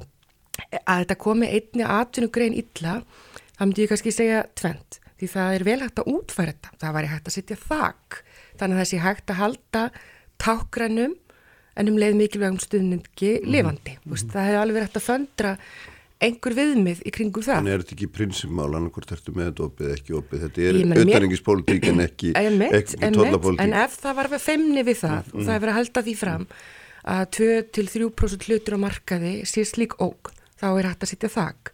Um, en ég menna, ég bara sé ekki alveg að það sé tilfellið. Það að tala um að heldar innflutningur hefur verið 94 miljónur í fyrra. Það er nú allt og sönd. Já, en er ekki, er ekki hérna bara eðli orskahálfu þeirra sem stunda einhverju tiltekna aðtuningreina þeir sé ekki gefa eftir eitthvað sínum hagsmunum og þetta sé gert á breyðar í grundvelli þannig að það sé bara að það leggist jæmt á alla. Men er það ekki bara óskum eðli óskum? Hún er alveg skynjalega ef þetta farið að höggva þannig í, mm. en ég sé bara ekki að það sé reyndin. En þá segir ég aftur, það hefði vel verið hægt að útværa þetta með einhverjum hætti, setja þak og forða alþingi frá þessari nýðulægingu sem þetta er, mm. að geta ekki staðið áfram að þessum stuðningi út af við, því hérna eru við að senda ákveðin skilabóð í utaríkismálum sem eru bara ógeðfælt í mínum huga. Hverjum, ógeðfælt skilabóður, nýðulægingu? Ég er vitaskvöld ekki sammála því. Þetta er aðgerð, það er rétt sem að Þorbjörg Sigriður segi hér að úgrænumenn kölluðu eftir þessum stuðningi á síðast árið þegar átök brutust út að, að, að það erði liðka fyrir viðskiptum við landi með mm. öllum tiltakum ráðum og sömulegis erðu vopn sendt til hansins og, og, og stuðningur í kringum stríðstæki og tól. Uh, þetta var það sem að þjóður heims uh, gerðu Við erum vopplustjóð og getum ekki stutt á með þeim hætti og þá er kannski eðlilegt eins og Þorbjörg segir eða segi hér, er þetta ekki láma stuðningur sem við getum gert? Mm -hmm. Jú, það er það örglega, en ég ætla að ítrekka það að ég vil þá sjá það e, deilast á þjóðina í heilsinni. E, það sem að gerist á síðasta ári þegar að Evrópusambandið og önnur lönd samþyktu e, að fella niður totla á vörum frá Ukrænu að þá hefðu allir áhugjur af landbúnaðvörum. E, öll ríki settu fyrirvara í þessa samninga nema mm -hmm. það gera Íslendingar ekki. E, síðan eru, er það alveg orðið ljóst að það er ekki bara uggur hjá íslensku bændum eins og ég hef verið að draga hér fram í dagsljósið. Það er uggur og, og í bændum allstaðar í álfunni mikil mótmæli hjá bændum hvort sem að það er í Hollandi, Fraklandi, Pólandi, Þískalandi eða hvar sem er. Og uh, núna hafa hafist gríðarlega mótvægis aðgerðir hjá Evrópusambandun mm -hmm. til að styðja við bændur í álfinu og ég held að þær séu núna á bylinu 140 til 160 miljardar franskir bændur er að íhuga málsók til þess að fá bætt það tjón sem að þeir telja að þeir hafa orðið fyrir. Mm. Þannig að all, það er alveg sama hvar okkur ber niður að þá eru bændur uggandi yfir þessum mhm. aðgerum og það er hvergi. En akkur legðu þið ekki bara fram frumvarp með einhverjum, einhverjum hérna, mótvæðsaðgerum? Það náðist ekki, ekki samkomulega um það. Það er þetta það sem maður heyrir að, eh, á hálfu meiri hlutan sem að, var ekki viljið til þess einu sinni að fara í svoleiðis aðgerði, að setja ykkur þak eða, eða teikna þetta upp með einhverju þeim hætti að vera eitthvað skamt þetta inn. Var það sérst eitt flokkur í ríkistjóninni sem bara lokaði á þetta allt saman? Það, er það rétt skilið hjá mér? Uh, ég, já, ég tel mér geta fullist að, að, að framsóknarflokkurinn var ekki tilbúin til að skoða þá leið. Uh, ég ætla bara að ítrekka það sem ég mm. sagði á þann að það er hverki annar staðar í álfunni þar sem að bændur einir eru látni bera þessar stuðnins aðgerðir með þessum hætti. Mm.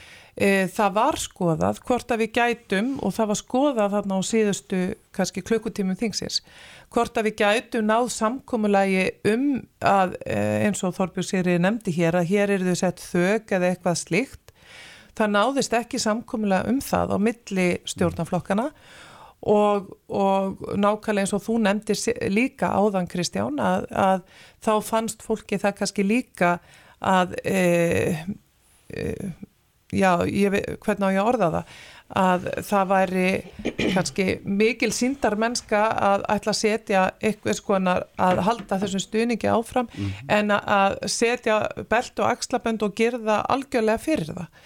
Það er náttúrulega engin að tala fyrir það að gera það algjörlega fyrir þú ert sjálf að tala um að önnu ríki hafi hérna, smíða lagasetningunum með einhverjum þeim hætti að þetta sé ekki takmarka löst Já, önnu ríki, hafa gert, önnu ríki hafa gert það og sömu leiðis komið með mótvæðsaðgerðir sem eru gríðarlega háar í peningum talið. Eh, ég ítrekka það sem ég sagði eh, í umræðum á þinginu að ég held og tel að við Íslandingar getum stutt við Úkrænu mm -hmm. með myndarlegum hætti án þess að tefla í tvísínu atvinnu er, fólks hér á Íslandi og ég ætla að nefna En þetta er náttúrulega svo lítið sem um ræðir. Þetta er svo pínandi lítið að það er allavega um að tala. Þetta, þetta er fyrst og fremst tákgrann aðgerð til stuðningstjóðar í miklum krökkum. Og það er það sem maður er að velta fyrir sér hvað er, er sómakend alþingis að þessu kemur, sko, erum við alveg að láta einhverja hagsmunni nokkura manna út í sveit stýra svona stóri ákvörðu? Sko, þessir hagsmunni eru þannig að e, það stefnir í á þessu ári þetta veri 10-15% af allri framlegslu alifugla á Íslandi. Mm -hmm. Það er gríðarlega mikið mm -hmm. og það skiptir hérna miklu máli og raskar öllum kjötmarkað á Íslandi. Ég ætla að minna á það að þessi kjúklikur hefur verið að koma inn til Íslands á rúmu 500 krónur kílóið á meðal að framleyslu kostnæðar á kjúklik á Íslandi er rúmar 900 krónur. Mm. Það lítur, lítur að líka hlutari segli að það hefur áhrif á afkomi bænda sem að þurfa að keppa við verð sem er 500 krónur versus 900 krónur. E, þetta hefur áhrif og um leið og það kemur ódýrt kjötin á markaðin þá hefur það áhrif á allan kjötmarkaðin. Nautakjötsframlegendur hafa barist hér í bökkum. Mm. Uh, í fyrsta sinn í sögunni að, að þá á síðast ári fór alifugla uh, kjötframlegsla fram úr uh, kindakjöti. Það hefur aldrei gæst áður en gerist á síðast ári. Þannig að all ingripp inn á markaðinn með mm. þessum hætti hafa vitaskuld áhrif og hafa áhrif á afkomi bænda. Ég hef líka sagt það vegna þess að mér hefur þótti viðreist vilja tala um þetta sem uh, tollamál og ég vil aðskilja þessu mál. Það er heldur, mér, mér finnst það líka ósmeklegt að ætla að draga fram áherslu viðreysnar í Evrópusabarsmálum eða tollamálum. Það voru nú að fyrsta sem að viðreysn kallaði eftir því þegar að styrjaldin braust út í Úkrænu þá fóru þau að tala um yngöngu í Evrópusambandi mm. af okkar hálfu. Ég gæti ekki sér samingi þar á milli. Nei, þú sér náttúrulega aldrei samingi við Evrópusambandi en ég byrjaði málmitt að segja að þetta er auðrækismál. Mm og alþingi er niðurlegt með þessari afstöðu og mér finnst sérstaklega að hlusta á því hérna að tala með þessum hætti formariðin lagði fram þetta frumvarp í fyrra hann lýsir því yfir í fjölmjölum að hann hafi sendt inn drög að frumvarpi inn í nefndina Þannig að er, það er á afstafa formansflokksins að þessu skuli framhaldið. 10-15% markað, ég veit ekki hvaðan þær tölur koma, því fyrir að tala um þetta hefur verið nær 2%. Fossettisráð þeirra, leðum mér að klára, talar um þessi 94 miljónir og síðan talið um, sko, þegar við horfum að þessu íslenska markaðin, framlegendunar. E, þetta eru þrýr fjóri stórið aðlar. Þetta er SS, þetta er matafjölskyldan, e, þannig að það þarf aðeins að skoða hva, hvaða hagsmunni er verið að spekla hér? Við vitum að tilefni lagana er beðni Úkrænu um stuðning í þessu formi, hefur með efnahægin að gera og að Ísland treysti sér ekki til að fara í þær stuðningsaðgerðir er bara með algjörum ólíkindum. Haldi þið að yfirlýsing uh, utaríkisráþura um lokun sendirás að það hafi ekki áhrif á einhverja viðskiptahagsmunni í Úslandi? Samt gerur hún þetta vegna að þetta snýst um grundvallarafstöðu eða það að við sem að fjármagna spítalarekstur út í Úgrænu fáið þá landlækni í fjölmjöla að tala um hvernig staðans í íslensku helbrískerfi auðvitað ekki. Það að stiðja og standa með getur ekki staðið og fallið með því að það hafi engin áhrif á Íslandinga ef stuðningurinn mm. byggir á þeim fósundum þá er hann engin þannig það, bara, það verður að bara, þá segja það berum orðum hvaða hagsmunni tromba hverja hérna í þessu máli? Já, hér tala Þorbjörn sér um hagsmunni, ég, ég ætla að fá að lefa mér þá að segja það, hvaða hagsmunni er viðreist að verja? Viðreist... Neitundur njóta góðs af þessu? Já, en er, það getur vel verið. Getur það vel verið? En er, er viðreist að verja hagsmunni innflytjanda fremur en bænda? Við erum að tala um utaríkispolítík í þessu máli. Utaríkispolítík. Nú má ég tala það ekki. Þú nefnir um þessi tonn sem hér er að koma inn og þeir séu svo óveruleg. Hinga hafa komið 300 tonn af hreinu kjöti. Við verðum að bera saman rétta hluti. E, ef þú tekur þessi, þetta hreina kjöt, þetta er sagt, ekki með beini, þá samsvara það um tæplega 1200 tónnum af kjúklingi hér á landi sem er framleitlu sem er um 12% af fram, heilda framleyslu ásins 2022 á Íslandi. Hér eru ekki framleitt nema um 9000 tonn á meðan að svo það fyrirtæki sem hefur verið að selja kjúkling inn á landi, inn til landsins frá Úgrænu er að framleiða, ég held að það sé hátti 500.000 tonn á ári. Við framleiðum 9000 mm -hmm. þannig að það að við séum að kaupa af þeim einhver, eh, einhver nokkur tonn hinga til lands á ári þetta er verulega áhrif á örmarkaðinu sem Ísland er en hefur engin áhrif í þessu stóra samingi sem þessi framleiðsla er í Úkrænu í heilsinni uh, ég ætla líka að fá að segja það að það skiptir líka máli að uh, það er heilna með þessara vara. Og það verða að vera líka skiliri fyrir því. Við erum svo heppin hér á Íslandi að við erum að framleiða e, eina reynustu kjúklinga afurð í heimi.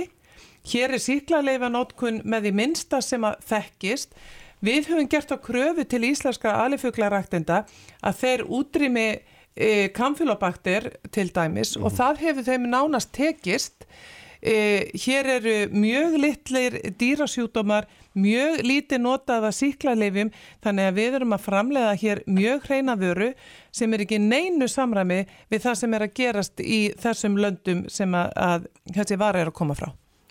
Þannig að það væri hérna ásættanlegt í þessu tilviki væri að, að, að uh, við myndum bara uh, kaupa kjúkling og, og örðan og hérna halda markarum áfram. Að það væri ein leið. Nei, ég, held, ég hef til dæmis nefnt það. Mér finnst aflega það er margt sem að ríkistjórnin er búin að mm. vera að gera uh, til styrtar Úkrænu sem að hefur skiptmáli og verið mjög gott. Ég ætla að nefna í því sambandi neyðarsjúgrós sem var keft fyrir, ef ég mann rétt, 1,7 miljard mm. og ég hef nefnt sem dæmi okkur við gerum ekki eitthvað sambarlegt eða e, reynum að aðstóða fólk með til dæmis stóðtækjum, að senda stóðtæki til dæmis frá össuri. Við getum sendt e, sára umbúðir frá kerasis eða, eða mhm. vatn. Það er nú stóra vesmiða í Ölfusi, við getum sendt núna gríðalegt magna neistluvatni inn á flóðasvæðin þar sem er mikil vöndu núna, það er margt sem að við en getum gert. Það er þetta eitthvað að, að útiloka hvert annað? Nei, alls, ekki. ekki. alls ekki. Og rauksendafærslan í frumvarpinu síðast væri að efnahagur Úgrænu núna á stríðstímum væri háður aðgengi af erlendu mörgum. Þetta er utryggismál og þetta er efnahagslegt mál gott og vel með spítalan og mér hefur fundist auðvaríkisráður að standa sér vel í sínum yfirlýsingum en þetta er efnaðslegt atriði. Og það verður ekki lagað með, með stuðningi frá, með tækjabúnaði frá össuri því þetta eru, þetta eru tveir ólíkir hlutir.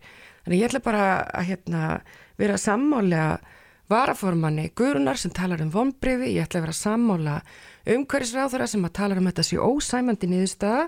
Og svo langar mig til að minna á að þegar að e, máli varða lögum í fyrra að þá vittnar formaður efnaðs og viðskiptinemndar, Guðrún Hafstinsdóttir, í orðforsita Úkrænu, talar þá um að engum máli skipti hvort að ríki séu lítilega stór, að þegar við berjumst fyrir frelsinu að það skipti framlag allra máli. Mm. En þá er það framlag allra nema þetta bíti aðeins í innlendan landbúnað. Það með ekki hafa neyn áhrif þar, frelsisbaráttun okkar stoppar þar. Nei, ég ætla að ítrekka það að ég stið það að við Íslandika stiðjum Úgrænu með öllum mætti en við gerum það saman og saminuð sem þjóð en við leggjum ekki þar byrðar Alþingi var saminuð, ríkistjórnin gæti ekki gert þetta. Já, En við leggjum það ekki á örfáar uh, fjölskyldur bænda sem eru að tryggja fæðu öryggi hér á Íslandi og tryggja hér heilnama og góða vöru.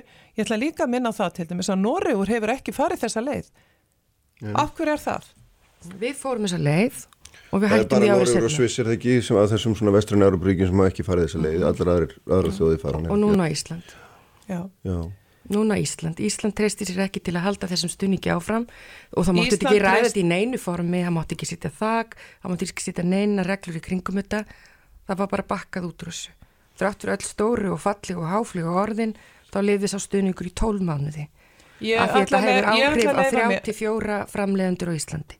Já, ég ætla að leifa mér að gera það orð utaríkisráð þeirra mínum þar sem hún sagði það náðist ekki á síðustu tögum þingsins að landa þessu máli en hvað gerist þegar að þing kemur saman í haust, það vitum við ekki. Nei, nei og það veldur auðvitað ekki á alþingi, við vitum það. Þetta er ágreiningur inn að ríkistjórnar og þú ert í ágreiningi við þinn einn forman hér. Já, en fyrir utan þann pólitíska ágreining, hvernig var aðkoma hagsmunna aðila að málunum? Uh, aðkoma hagsmun aðala var með þeim hætti að, að nefndi fekk til dæmis bref frá bændasamtökunum. Mm -hmm. uh, hagsmunalar hafa verið í sambandi við alla nefndamenn í efnaðans og viðskiptanemnd og ég tel nánast alla þingmenn. Það er, uh, skiptir ekki máli hvort að það eru félag aturregenda, bændasamtökin uh, einstakir bændur heildsalar, innflutnisaðilar mm -hmm það, þannig er starf þingmanns að uh, þeirra sem máli varða að þeir hafa samband við þingmenn og það er ekkit óeðlegt við það. Þannig að ég held að, að allir aðlar sem að málinu uh, máli snerta að hafi haft samband hvort sem að það var við forman efnaðansnemdar uh, við, uh, við forman nefnd, nei, nefndar menn mm -hmm. eða aðra þingmenn. Mm -hmm og ég get nefnt og ekki dóðileg þarf að fara inn að þínum að döða hvað? Nei, ég meina uh, eh, frangværtastjóri hérna félagsaturreikata hefur verið samband við mig sem og formaði bændasamtakana og hérna það hafa einstaklega bændur og ég hefur alveg heiðarlega með það og sagt það. Og, og það er ekkit óeðlegt við það og, og, og þannig er það bara í öllum umdeildum málum að fólk hefur samband við þingmenn. Mm -hmm. Við erum, við erum ekki sambandslaus við þetta samfélag. En komi í ljós að ákverðun utækisráður að varandi sendir á því í Rúslandi komi í ljós að, að hún hafi áhrif á íslenska viðskiptahagsmunni getur þú þá ekki lengur stutt þá ákverðun? E, að lokun sendir á sís? Mm. Ég ætla nú ekki að fara að ræða utækispolítík við því hér núna. Þetta er utækispolítík sem við erum að ræða hér. Já. Um það snýst málið ég vil nú draga líka það fram í dagsljósið að hér hafi verið sett ekki, við hefum ekki ræðið þetta sem tollamál mm. og þetta er ekki utryggismál er þetta þá bara þessi hagsmunarkessla ég nefndi ég, á, á alþingi þegar við rættum þetta á síðastu deyðings að þetta varðar fjögur ráðuniti.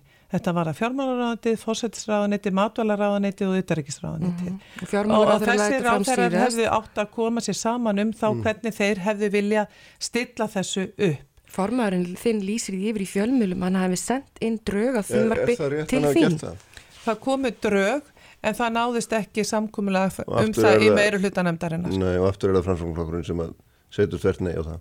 Já. Uh, ég ætla líka að fá að, að uh, minna á það En þú hefur ekki viljað styðja frumvarpið sjálf samt sem áður eða hvað að hérna Ekki að óbreytt Nei. Nei, ekki að óbreytt En ég, ég ætla bara að fá að minna á það að uh, margar, allar þjóðir er að styðja Úgrænu með öllum hætti Við erum öll meðvituð um það að úgrænumenn eru hér að verjast og, og verjast fyrir frelsi sínu sem að við styðjum. Mm -hmm. uh, hvernig nákvæmlega þeim stuðningi á að vera varið, mm. það getur verið uh, umdelanlegt og mér finnst ekkert óeilegt við það að örríki eins og Ísland seti ákveðin fyrirvara um það varðandi sína landbúna framlýslu. Ég ætla að minna á það að það eru ekki nema um tvö ár síðan. Var, jafnvel það var ekki, ekki döð ekki til Nei. að setja fyrirvara. Það var nefnilega máli, það, það er kjarni máls. Það hefði engu máli skipt hver útvæslan var eða í hvaða formi, það mátti ekki snerta við þessu. Þú ert að staðfesta hér sjálf. Það hafi ekki nátt samstaða innan ríkistjórnar einu sinum þak eða neinar útfæslur. Ég staðfesti það í þinginu. Já og við veitum það að þessi ósk kemur frá Úkrænu og hefur með það að gera að halda hjólum atvinnlýsis gangandi. Mm. Hefur með aðgengi að mörguðum að gera. Þannig einhver stuðningur um heilbreyðsmál eða í öðru formi er bara ekki það sem að þetta mál snýst um. Mm. Þú ert að staðfesta hér vegna þess að þetta hafi áhrif einhver 2% innkoma á íslenska kjúklingaframlegendur sem eru þrýr, fjórir, tröllvaksnir aðeinar þá bakkar ríkistjórnum út úr þeim stuðningum. Og ég ætla bara að vera sammála, ég ætla bara að vera á því að þetta er niðurlægandi fyrir alþingi að sjá þetta byrtast með svona skýrmæti. Akkur segir þessu þrýra fjóri tröllvaksnir aðlar, þetta hér eru á friðja tög búa á Íslandi sem eru fjölskyttureikin sem eru að tryggja þú grýpur aftur fram í fyrir mér núna. SS, matafjölskyldan, framlegendunir á fugglaköttinu Þú, Við þurfum að ljúka hverjum síðustu orðin Já, Já ég ætla bara að ítrekka það sem ég saði hér upphafi. Ísleitingar vilja stiðja með öllum mætti við úkrænumenn í þeirra baráttu. Við getum bara ekki gert það og stemti voða rekstra afkomi íslenska bænda eða láti engöngu íslenska bændur bera upp í þann stuðning. Við verðum að gera það öll sem þjóð. Já, ljómandi. Bestu þakkir fyrir að koma báða tvær. Takk Hér og eftir uh, stöðstund þá verður hér hjá mér Hilmar Þór Hilmarsson, prófessor á Agurir. Við erum um oft sinni spjalla saman um stöðun í Ukræni og við ætlum að gera það hér eh, líka í lokþáttar. Já, sælir hlustendur, við erum hér á lokasprettinum á Sprengisandrinum í dag og hann er sestur hérna hjá mér hann Hilmar Þór Hilmarsson, prófessor við Háskólan og Akureyri. Velkomin til mín. Takk fyrir. Uh, við höfum nú setið hérna saman, uh, auðvist setið saman eða talað saman í gegnum síma margsinni sem stöðuna í, í Ukrænu og svona uh, víðari áhrif þessa stríðs á, á heiminu og okkur sjálfu þetta og hérna verður það velta fyrir okkur vengum, velta vengum fyrir, fyrir því hvort að hvort að þurft ekki að svona fara að huga því að reyna að semja og svo framvegis. Og við höfum auðvitað margsins farið yfir, yfir raukvæði með að móti þessu mál en, nú sjáum við að það er hérna, nú sjáum við að það er virkilega drati tíðinda. Því að úkrænumennur eru farin að gera þess að svo kvöldu vorinrás í, í, í hérna hernumdu svæðin getur við sagt og, og hérna miklum krafti og, og, og þú ert nýbúin að vera í, í Litáin uh, á ráðstefnu þar sem að þú hitti mann og annan og hérna mér langar aðeins að bara leggja fyrir því óbyll að byrja með því sko, hvað, hvað sér þú svona Ég var reyndar í, í Rík, var reyndar fór til Ríka, var síðan í Sesis í Lettlandi og það er alveg rétt þetta var að við um Norrænar áþarður á þins þetta var svolítið að því ég skrifaði bókum Norðurlöndin, Eistasasíkin og Vísegrætlandin og samstarf þeirra. Og það er náttúrulega mikið spenna og svona áhyggjur hjá stjórnvöldum í þessum löndum og spenna yfir því hvort að þessi, þessi gagnar og sem lengi búið að vera að tala um vinni skila sér og það eru svona ákveðnar evasemtur og það verði en allavega mennir að vona það og, og hérna það eru alls konar reyfingar við sjáum að það eru reyfingar í diplomatínu verið að senda sendir ásmenn heim og, og svo fram, fram og tilbaka. Og, og, og svo NATO fund, verður NATO fundur í Vilnius 11. júli mm. þannig að þá er náttúrulega líka komin upp líka sér staða. Hvernig, hva, er hægt að gera eitthvað þar? Þannig að vitum að lofur eða ókvæðin færin í NATO. Eh, var í april 2008 og nú eru liðin 15 ár og Ukraina er ekki að fara í NATO og það komið ákveð óþóli sérstaklega Eistafsvöldrikin og Póland að fara að sjá eitthvað árangur og Ukraina fái eitthvað á sem fundi mm. á meðan á önnulönd, óttalega NATO er þannig eins og þú veist að NATO er leitafandar ekki alveg fyrst og fremst, eru heikand og líka Þískaland að taka eitthvað stólskrif og það er spurning hvaða skrif alltaf að taka? Sko, Ukraina er í stríði og það er ekki bara landamæraðil, land er í, í stríði og það er að fara að leipa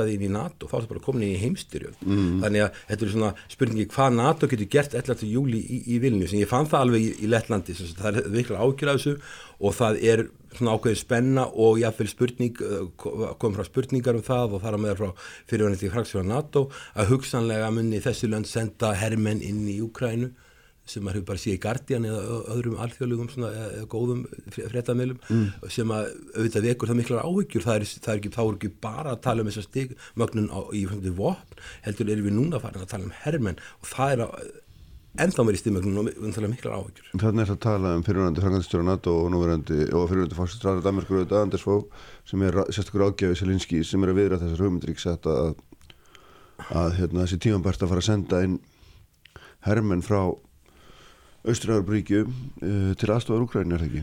Já, hann, hann er að tala um það sem ef að það verði ekkert sem, ef Úkrænir fær ekkert út úr þessum fundi mm -hmm. sko, fundurinn 2008 talaði um að Úkrænir og Georgi færu inn í NATO og þetta var mjög ákveð og þetta var mjög umtilt eins og við höfum rætt um áður þetta, þetta var þannig að, að, að, að George W. Bush vildi fá, fá þetta inn og á minna Merkel kanslari í Þískalands og, og, og Sjakku fórseti Fraklands mm. vildi ekki að þeir mm. gerðu varaði þessu en þetta var gert og síðan eru leiðin þessi 15 ára og það hefur verið staðfest aftur og aftur á fundum að Úkræna í ennþá aftur að fara inn í NATO og, og rússar fyrir innra svona kröðust þess að þeir eru dreytið tilbaka og þeir eru bara sagt að Úkræna fer ekki inn í NATO mm en það var ekki gert og síðan var þessi árás.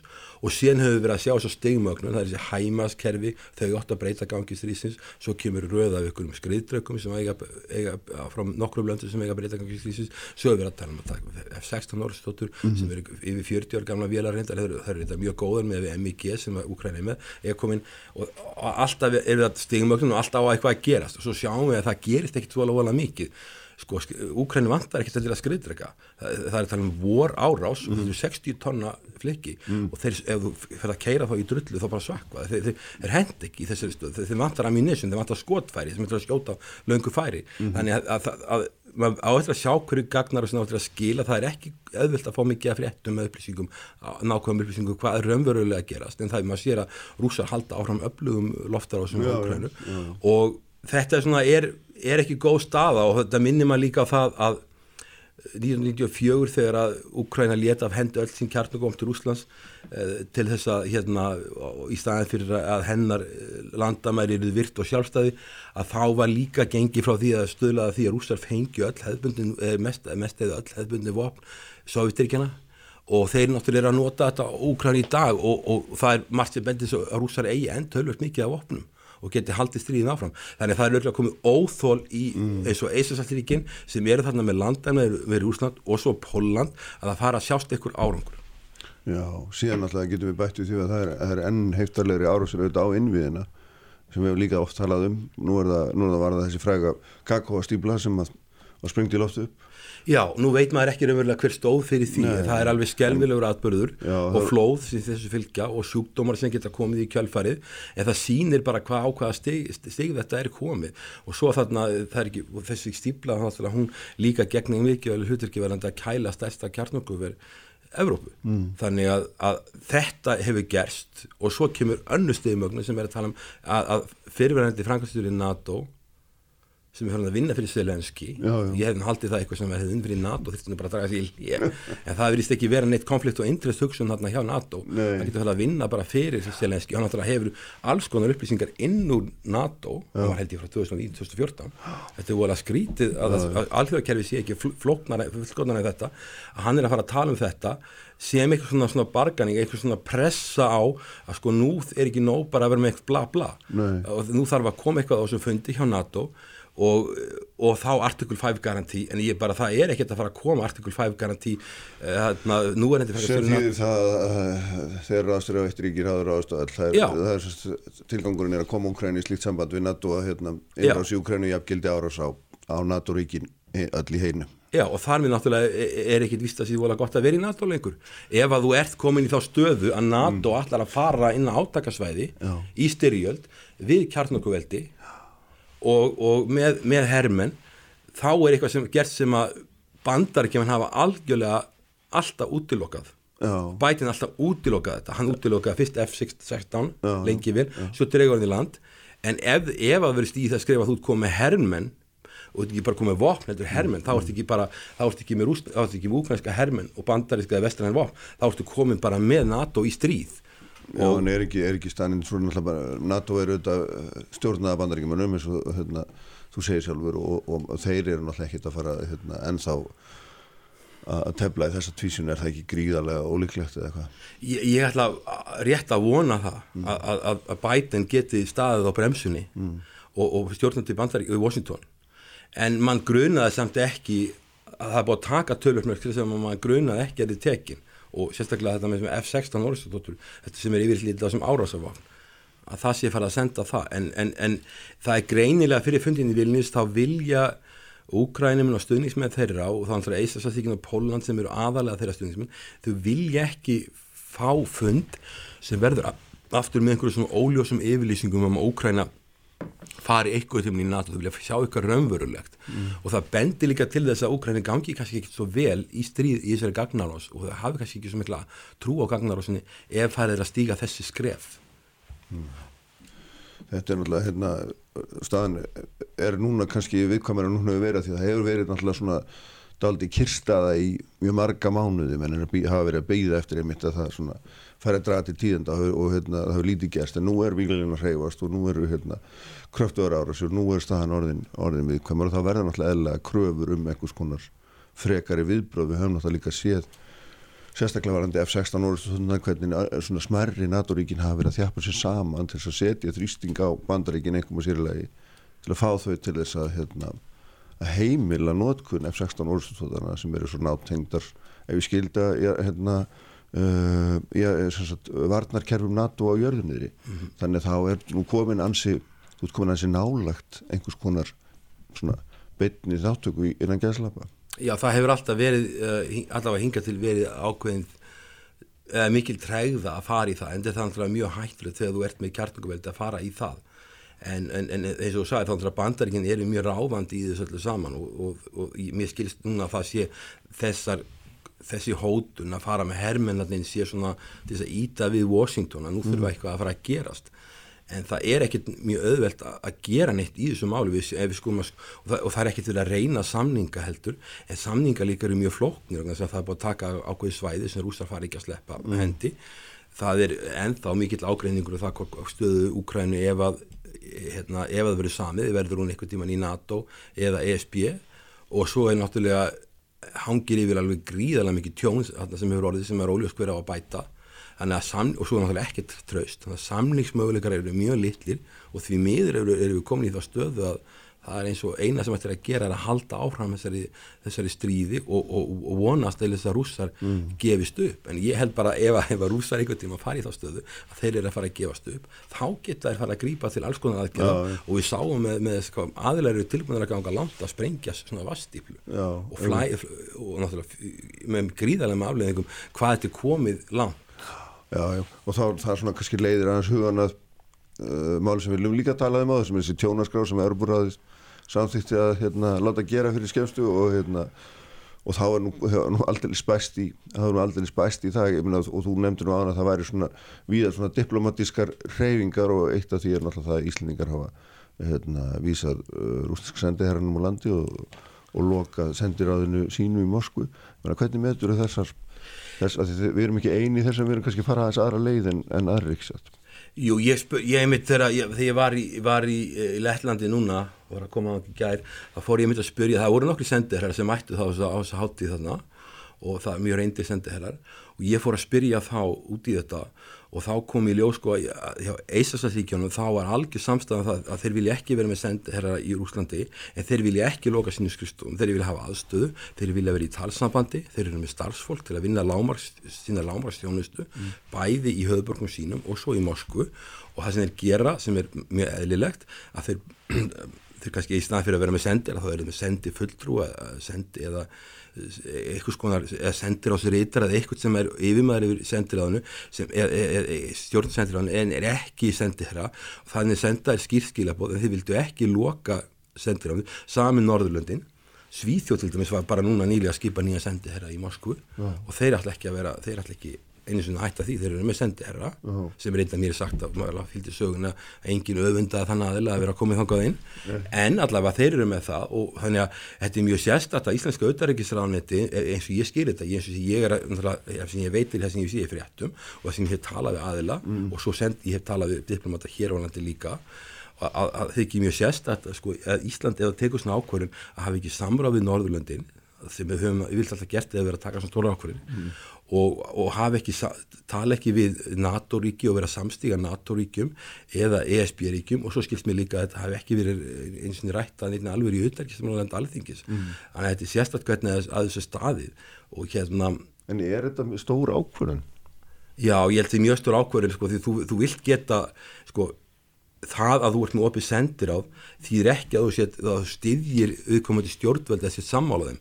Sendir á þau er einmitt, einmitt mikilvægt þegar þú ert með styrjöld í gangi eða einhver mm. erfið máli í gangi að þú getur að hafa talsamhatt við aðstöð, þú getur komið skila på til Putin í gennum sendir hann. Þannig að þú getur verið í talsamhatt við stjórnveld þetta, þetta er ekki eins og að verðluna landi með því að hafa sendir þetta er, þetta er bara nöðstileg tenging sérstaklega á erfiðleika tímum mm. og hérna þess vegna finnst mér þetta sérstaklega sko, að halda stjórnmálasamhandinu rússan megi að vera með vera með sendir af hér ekki sendi herrað með þess að hann fari og minga starfseminna en svo ætlum við að loka hjá okkur og við erum, ég, mér hefur við skilið þeim sem þekkja til sem hafa búið í þessum sendirafsbústaði í Moskva þetta sé leigubústaður mm. sem að frá rúsneska ríkinu og sem mjög hagstaði fyrir Ísland góð staðsetning og mjög góð bygging, mm. góð aðstæða og við erum að missa þetta og við þurfum að hafa það í huga þó Putin er fósitt og allt þetta og sem við segja ok, Putin hann er hann er hittir eða ég veit ekki hvort að þetta sé alls konar hlutir. sko, málið að það að öll þessu ákvarðanur umræða hún byggir á svo mikil tilfinningasveplum einhverjum. Og Putin verður ekkit eilífur. Og þegar hann er farin frá hvað gerist þá, hvort að rússar treyst okkur, vilja það nokkuð með okkur hafa? Vilja það vera með við séum með sendir á þarna? Eða vilja það eitthvað greiða fyrir okkur? Við erum fyrir stríði í Ukraínu vorum við umfarsmeklu um auðverkisviðskiptum við, við Rúsland mm og hérna og sovjettímanum vorum við líka í miklum viðskiptum við Sovjetrikkin uh, Sovjetrikki eða í Tjekkland og Ungverðarland og við styrtum ekki stjórn við, við, við, við vorum mótmælt með því að sjálfsögðu og allt fram til göttunum. Við höfum gennum tíðina þegar Sovjetriki voru til, það, það var þetta anstæðingur NATO og fjandmaður. Já, og við höf, fórum ekki það að, að, að grípa til svona aðgerða. Þannig að ég átti að við verðum að vera að vera að gera grein fyrir því hvernig, hvernig ákvörðunin er tekin og ákvörðun hún er ekki rétt í auðverkismála nefnd ítalega og, og, og það, hvernig samráð höfðu fæðið fram með vinnveitti ríki okkar en það skiptir mjög miklu málu fyrir smáriki auðvitað þurfum við að vera með einhverja sjálfstöðu auðverkistefnu og við þurfum að vera tilbúin að hafa kjark til að gera hluti en það skiptir alveg greiðlega miklu málu fyrir smáriki að hafa samráð við önnu vinnveitti ríki mm. og vera ekki að grí, og með óþarfa hérna sko æsing og það að Íslandsastríkin loki ekki sinu sendir á því sem ég segja ákveðna sögu Já. því þau, þau ganga einna lengst vegna sögursinnar vegna mjög eðra samskipta og hörmulegra samskipta við Rúsland í, um, um, um á, aldur og ára tugi mm. að, að, að þau skuli sko sína ákveðna stillingu og varfærni hvernig þau gera hlutina en, en ekki, Ísland ekki, ég, ég skil það ekki Nei. Að við erum að hérna, ganga og landa sínum að því ég, ég held að það hefði verið miklu hreinlegra mm. að segja bara að við rúsa sendi herran ykkar hann fer heim eða við, við segja það við hann eða láta segja þau verið að minga starfseminna mm. og síðan munum við halda okkar starfsemi ábar, bara hann bara minni og við verðum þá kannski með sendi fulltrú eða eitthvað og minga starfseminna eins og hægt er að sko það, þá er Íslandsku stjórnum ákveðum vorkun að því leiti að ef, við tökum sem svíja eða normen þá geta þeir sendt 5 diplomata eða tíu heim. Við getum það ekkert, kannski, við erum kannski með tvo eða þrjá diplomata í mestalagi í sendir og svo erum við ykkur, lokal fólk, ykkur fólk sem eru rúsa sem vinnanda líka. En við getum ekki gert það, en við getum alveg lækkað viðkomandi í tegn, þar að við erum ekki með sáttsettan aðla og það í diplomasínu held ég að það sé alveg, það, það er tölvist skert þert skilabóð mm. Eitt sem, sem ég langar að spyrja aðeins að með að þú ert að koma þarna svona að fundi með, með fjöldafyrirmenna og hérna, fólk sem þekkir þessar, þessi málöld mjög vel og því við hefum ofta rætt um það að endanum þurfum við nöitt að setjast niður og semja. Er, er, er einhver samningatótni í einhverja því fólki sem það hittir á þessum þessum, þessum ferðinum um Östur-Európa eða er menn er einhverja vonur um að það sé Sko ef þú ert að tala um Eisastastíkin og að tala um Póland þá er engin flötur þá er Nei. það bara mjög herskári. Já. og Danir til dæmis líka. Uh, og, og mjög herskári ef þú talar við ungverðat þá ertu komið allt þá ertu komið allt alveg að blaðsíðu þá vilja þeir, segja, þeir vilja semja þeir segja að þetta hafi verið bara diplomatísk stórkvæmslega mistöka hafi ekki samið um strax, strax. þetta minna aldrei, Úkræna ekki séns á að vinna þessi þetta minna enda mjög illa. Þannig að sko Ungverjaland er á mm. allt annari blaðs við uh -huh. heldur um Póland og, en það hefur bara árið undir. Það er raunverulega eiginlega engungu engungu Ungverjaland sem hefur talað fyrir friði og samningum. Auðvitað Ungverjaland er búið að lendi í mörgum styrjöldum og alls konar landamæra vandamál þar að meðlu 200.000 Ungverjar inn í Úgrænu og sem hafa verið kallar í herin eh, stölu einhverju leiti þannig að sko ungverðir það, það, það er ákveðin flötur á aðila sem vilja semja en bara hins vegar skoðuna núna þegar að stríður orðið allt þetta tjón, er búið að taka þetta land og komið svona lítið tröst og svona mikið hattur að þá er náttúrulega verður alltaf erfiðar og erfiðar að semja mm. þannig að, að hjá, hjá eisasastyrkjum þá er það ekki þau líta á samninga sem einhvers konar uppgjöf og þjónkun við Putin þannig að sko en ég horfi á þetta líka sem sko bara ég meina tjónið á fyrsta ári 60.000 miljardar króna mm. Skelvilegt ég, þá er ég ekki að tala um manntjónið. Og ég er að tala um land sem var 52 miljónir þegar Sovjetingið fjallu 41 miljón 30 árum setna og er kannski komin í 30 miljónir núna. Og ábúrslega erfið staða.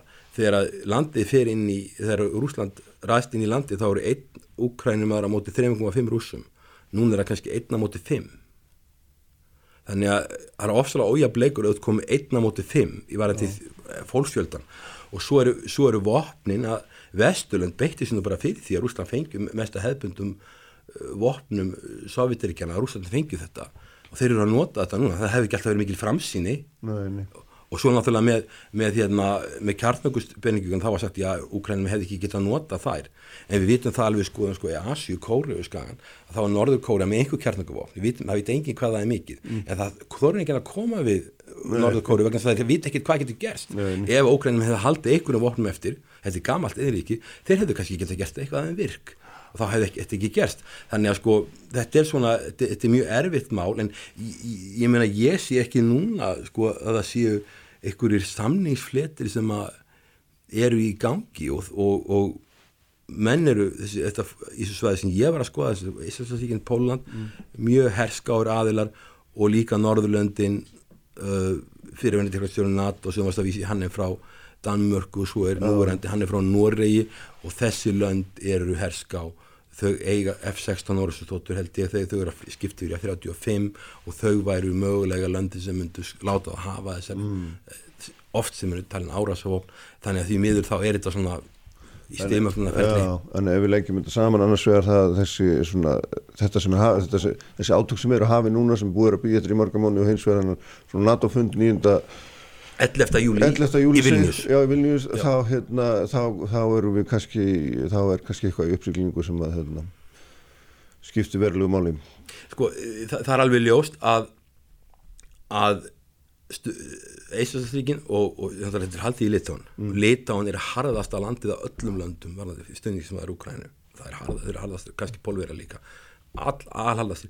og þeir krefjast að fá einhvers konar niðurstöðu en bara sko Litáin og Pólan stjórna ekki NATO. Nei, nei. Og, og, og Washington mun, hefur verið á bremsinu allan tíman en það er ekki þetta að útiloka það. En ég, mena, ég á bara mjög erfitt með að sjá fyrir mér að, að Úkræna, land sem er ekki bara sko því bæði Europasambandi og NATO vilja ekki fá löndin það sem eru sko landamæradeilur hvað þá stríð. Mm. og svo er bara að gera krafum að þetta, sko, Washington Treaty sem er grundvöldur NATO gerir áfyrir þetta síðu líðræðisríki með líðræðistofnaðir og svo er náttúrulega spilling má ekki vera mikil og svo náttúrulega að þjálfa herin upp og herin í Ukræni var að þjálfa hann tölvöld upp hann átt samt tölvöld land í land. Þannig að landi, landi er ekki tilbúið alls ekki tilbúið að fara inn í NATO. Og fyrir utan landamæra og fyrir utan það það er stríð. Þannig að, þannig að sko ég veit ekki það verður öruglega eitthvað samþygt þarna, einhvers konar orðalag og kannski ykkur möguleikar af því að Ókræna fari inn í NATO og þurfu uppfylla þetta þetta skil ykkur svona þrepp sem þú þarf að taka. En, en, en ég ef að, ef að hérna Ókræna fyrir ef að þess að Úkræna, fari inn í NATO og það verði artikul 5 garantí þar að segja þessi strygging, öryggistygging þá er NATO komið í stríð. Því það, þá er náttúrulega árás Úslands árás á NATO. Nú ef að ef að það verður ekki samþygt og síðan verður verða hermenn sendir inn eins og fyrirgænti fræðstjórn mm. Danin er að segja, ja. þá er komið stríð líka þannig að þetta lítur ekkert vel út. Herri, við hættum á þessum nótum vonum að hérna vel farið þráttur allt, takk fyrir að koma Takk fyrir, takk Nú þá er ekki, ekki uh, fleira á sprengisendurum í dag verðum að láta þættinum lokið uh, Ívar Davíð Haldólfsson stýði útsendingu eins og hann gerir alltaf allt efni á vísin.is, bilgjan.is í bilgjuappinu og hvarveitna þess að þið finnir hlaðvarp og svo erum við með ykkur hér aftur eftir viku. Verðið sæl.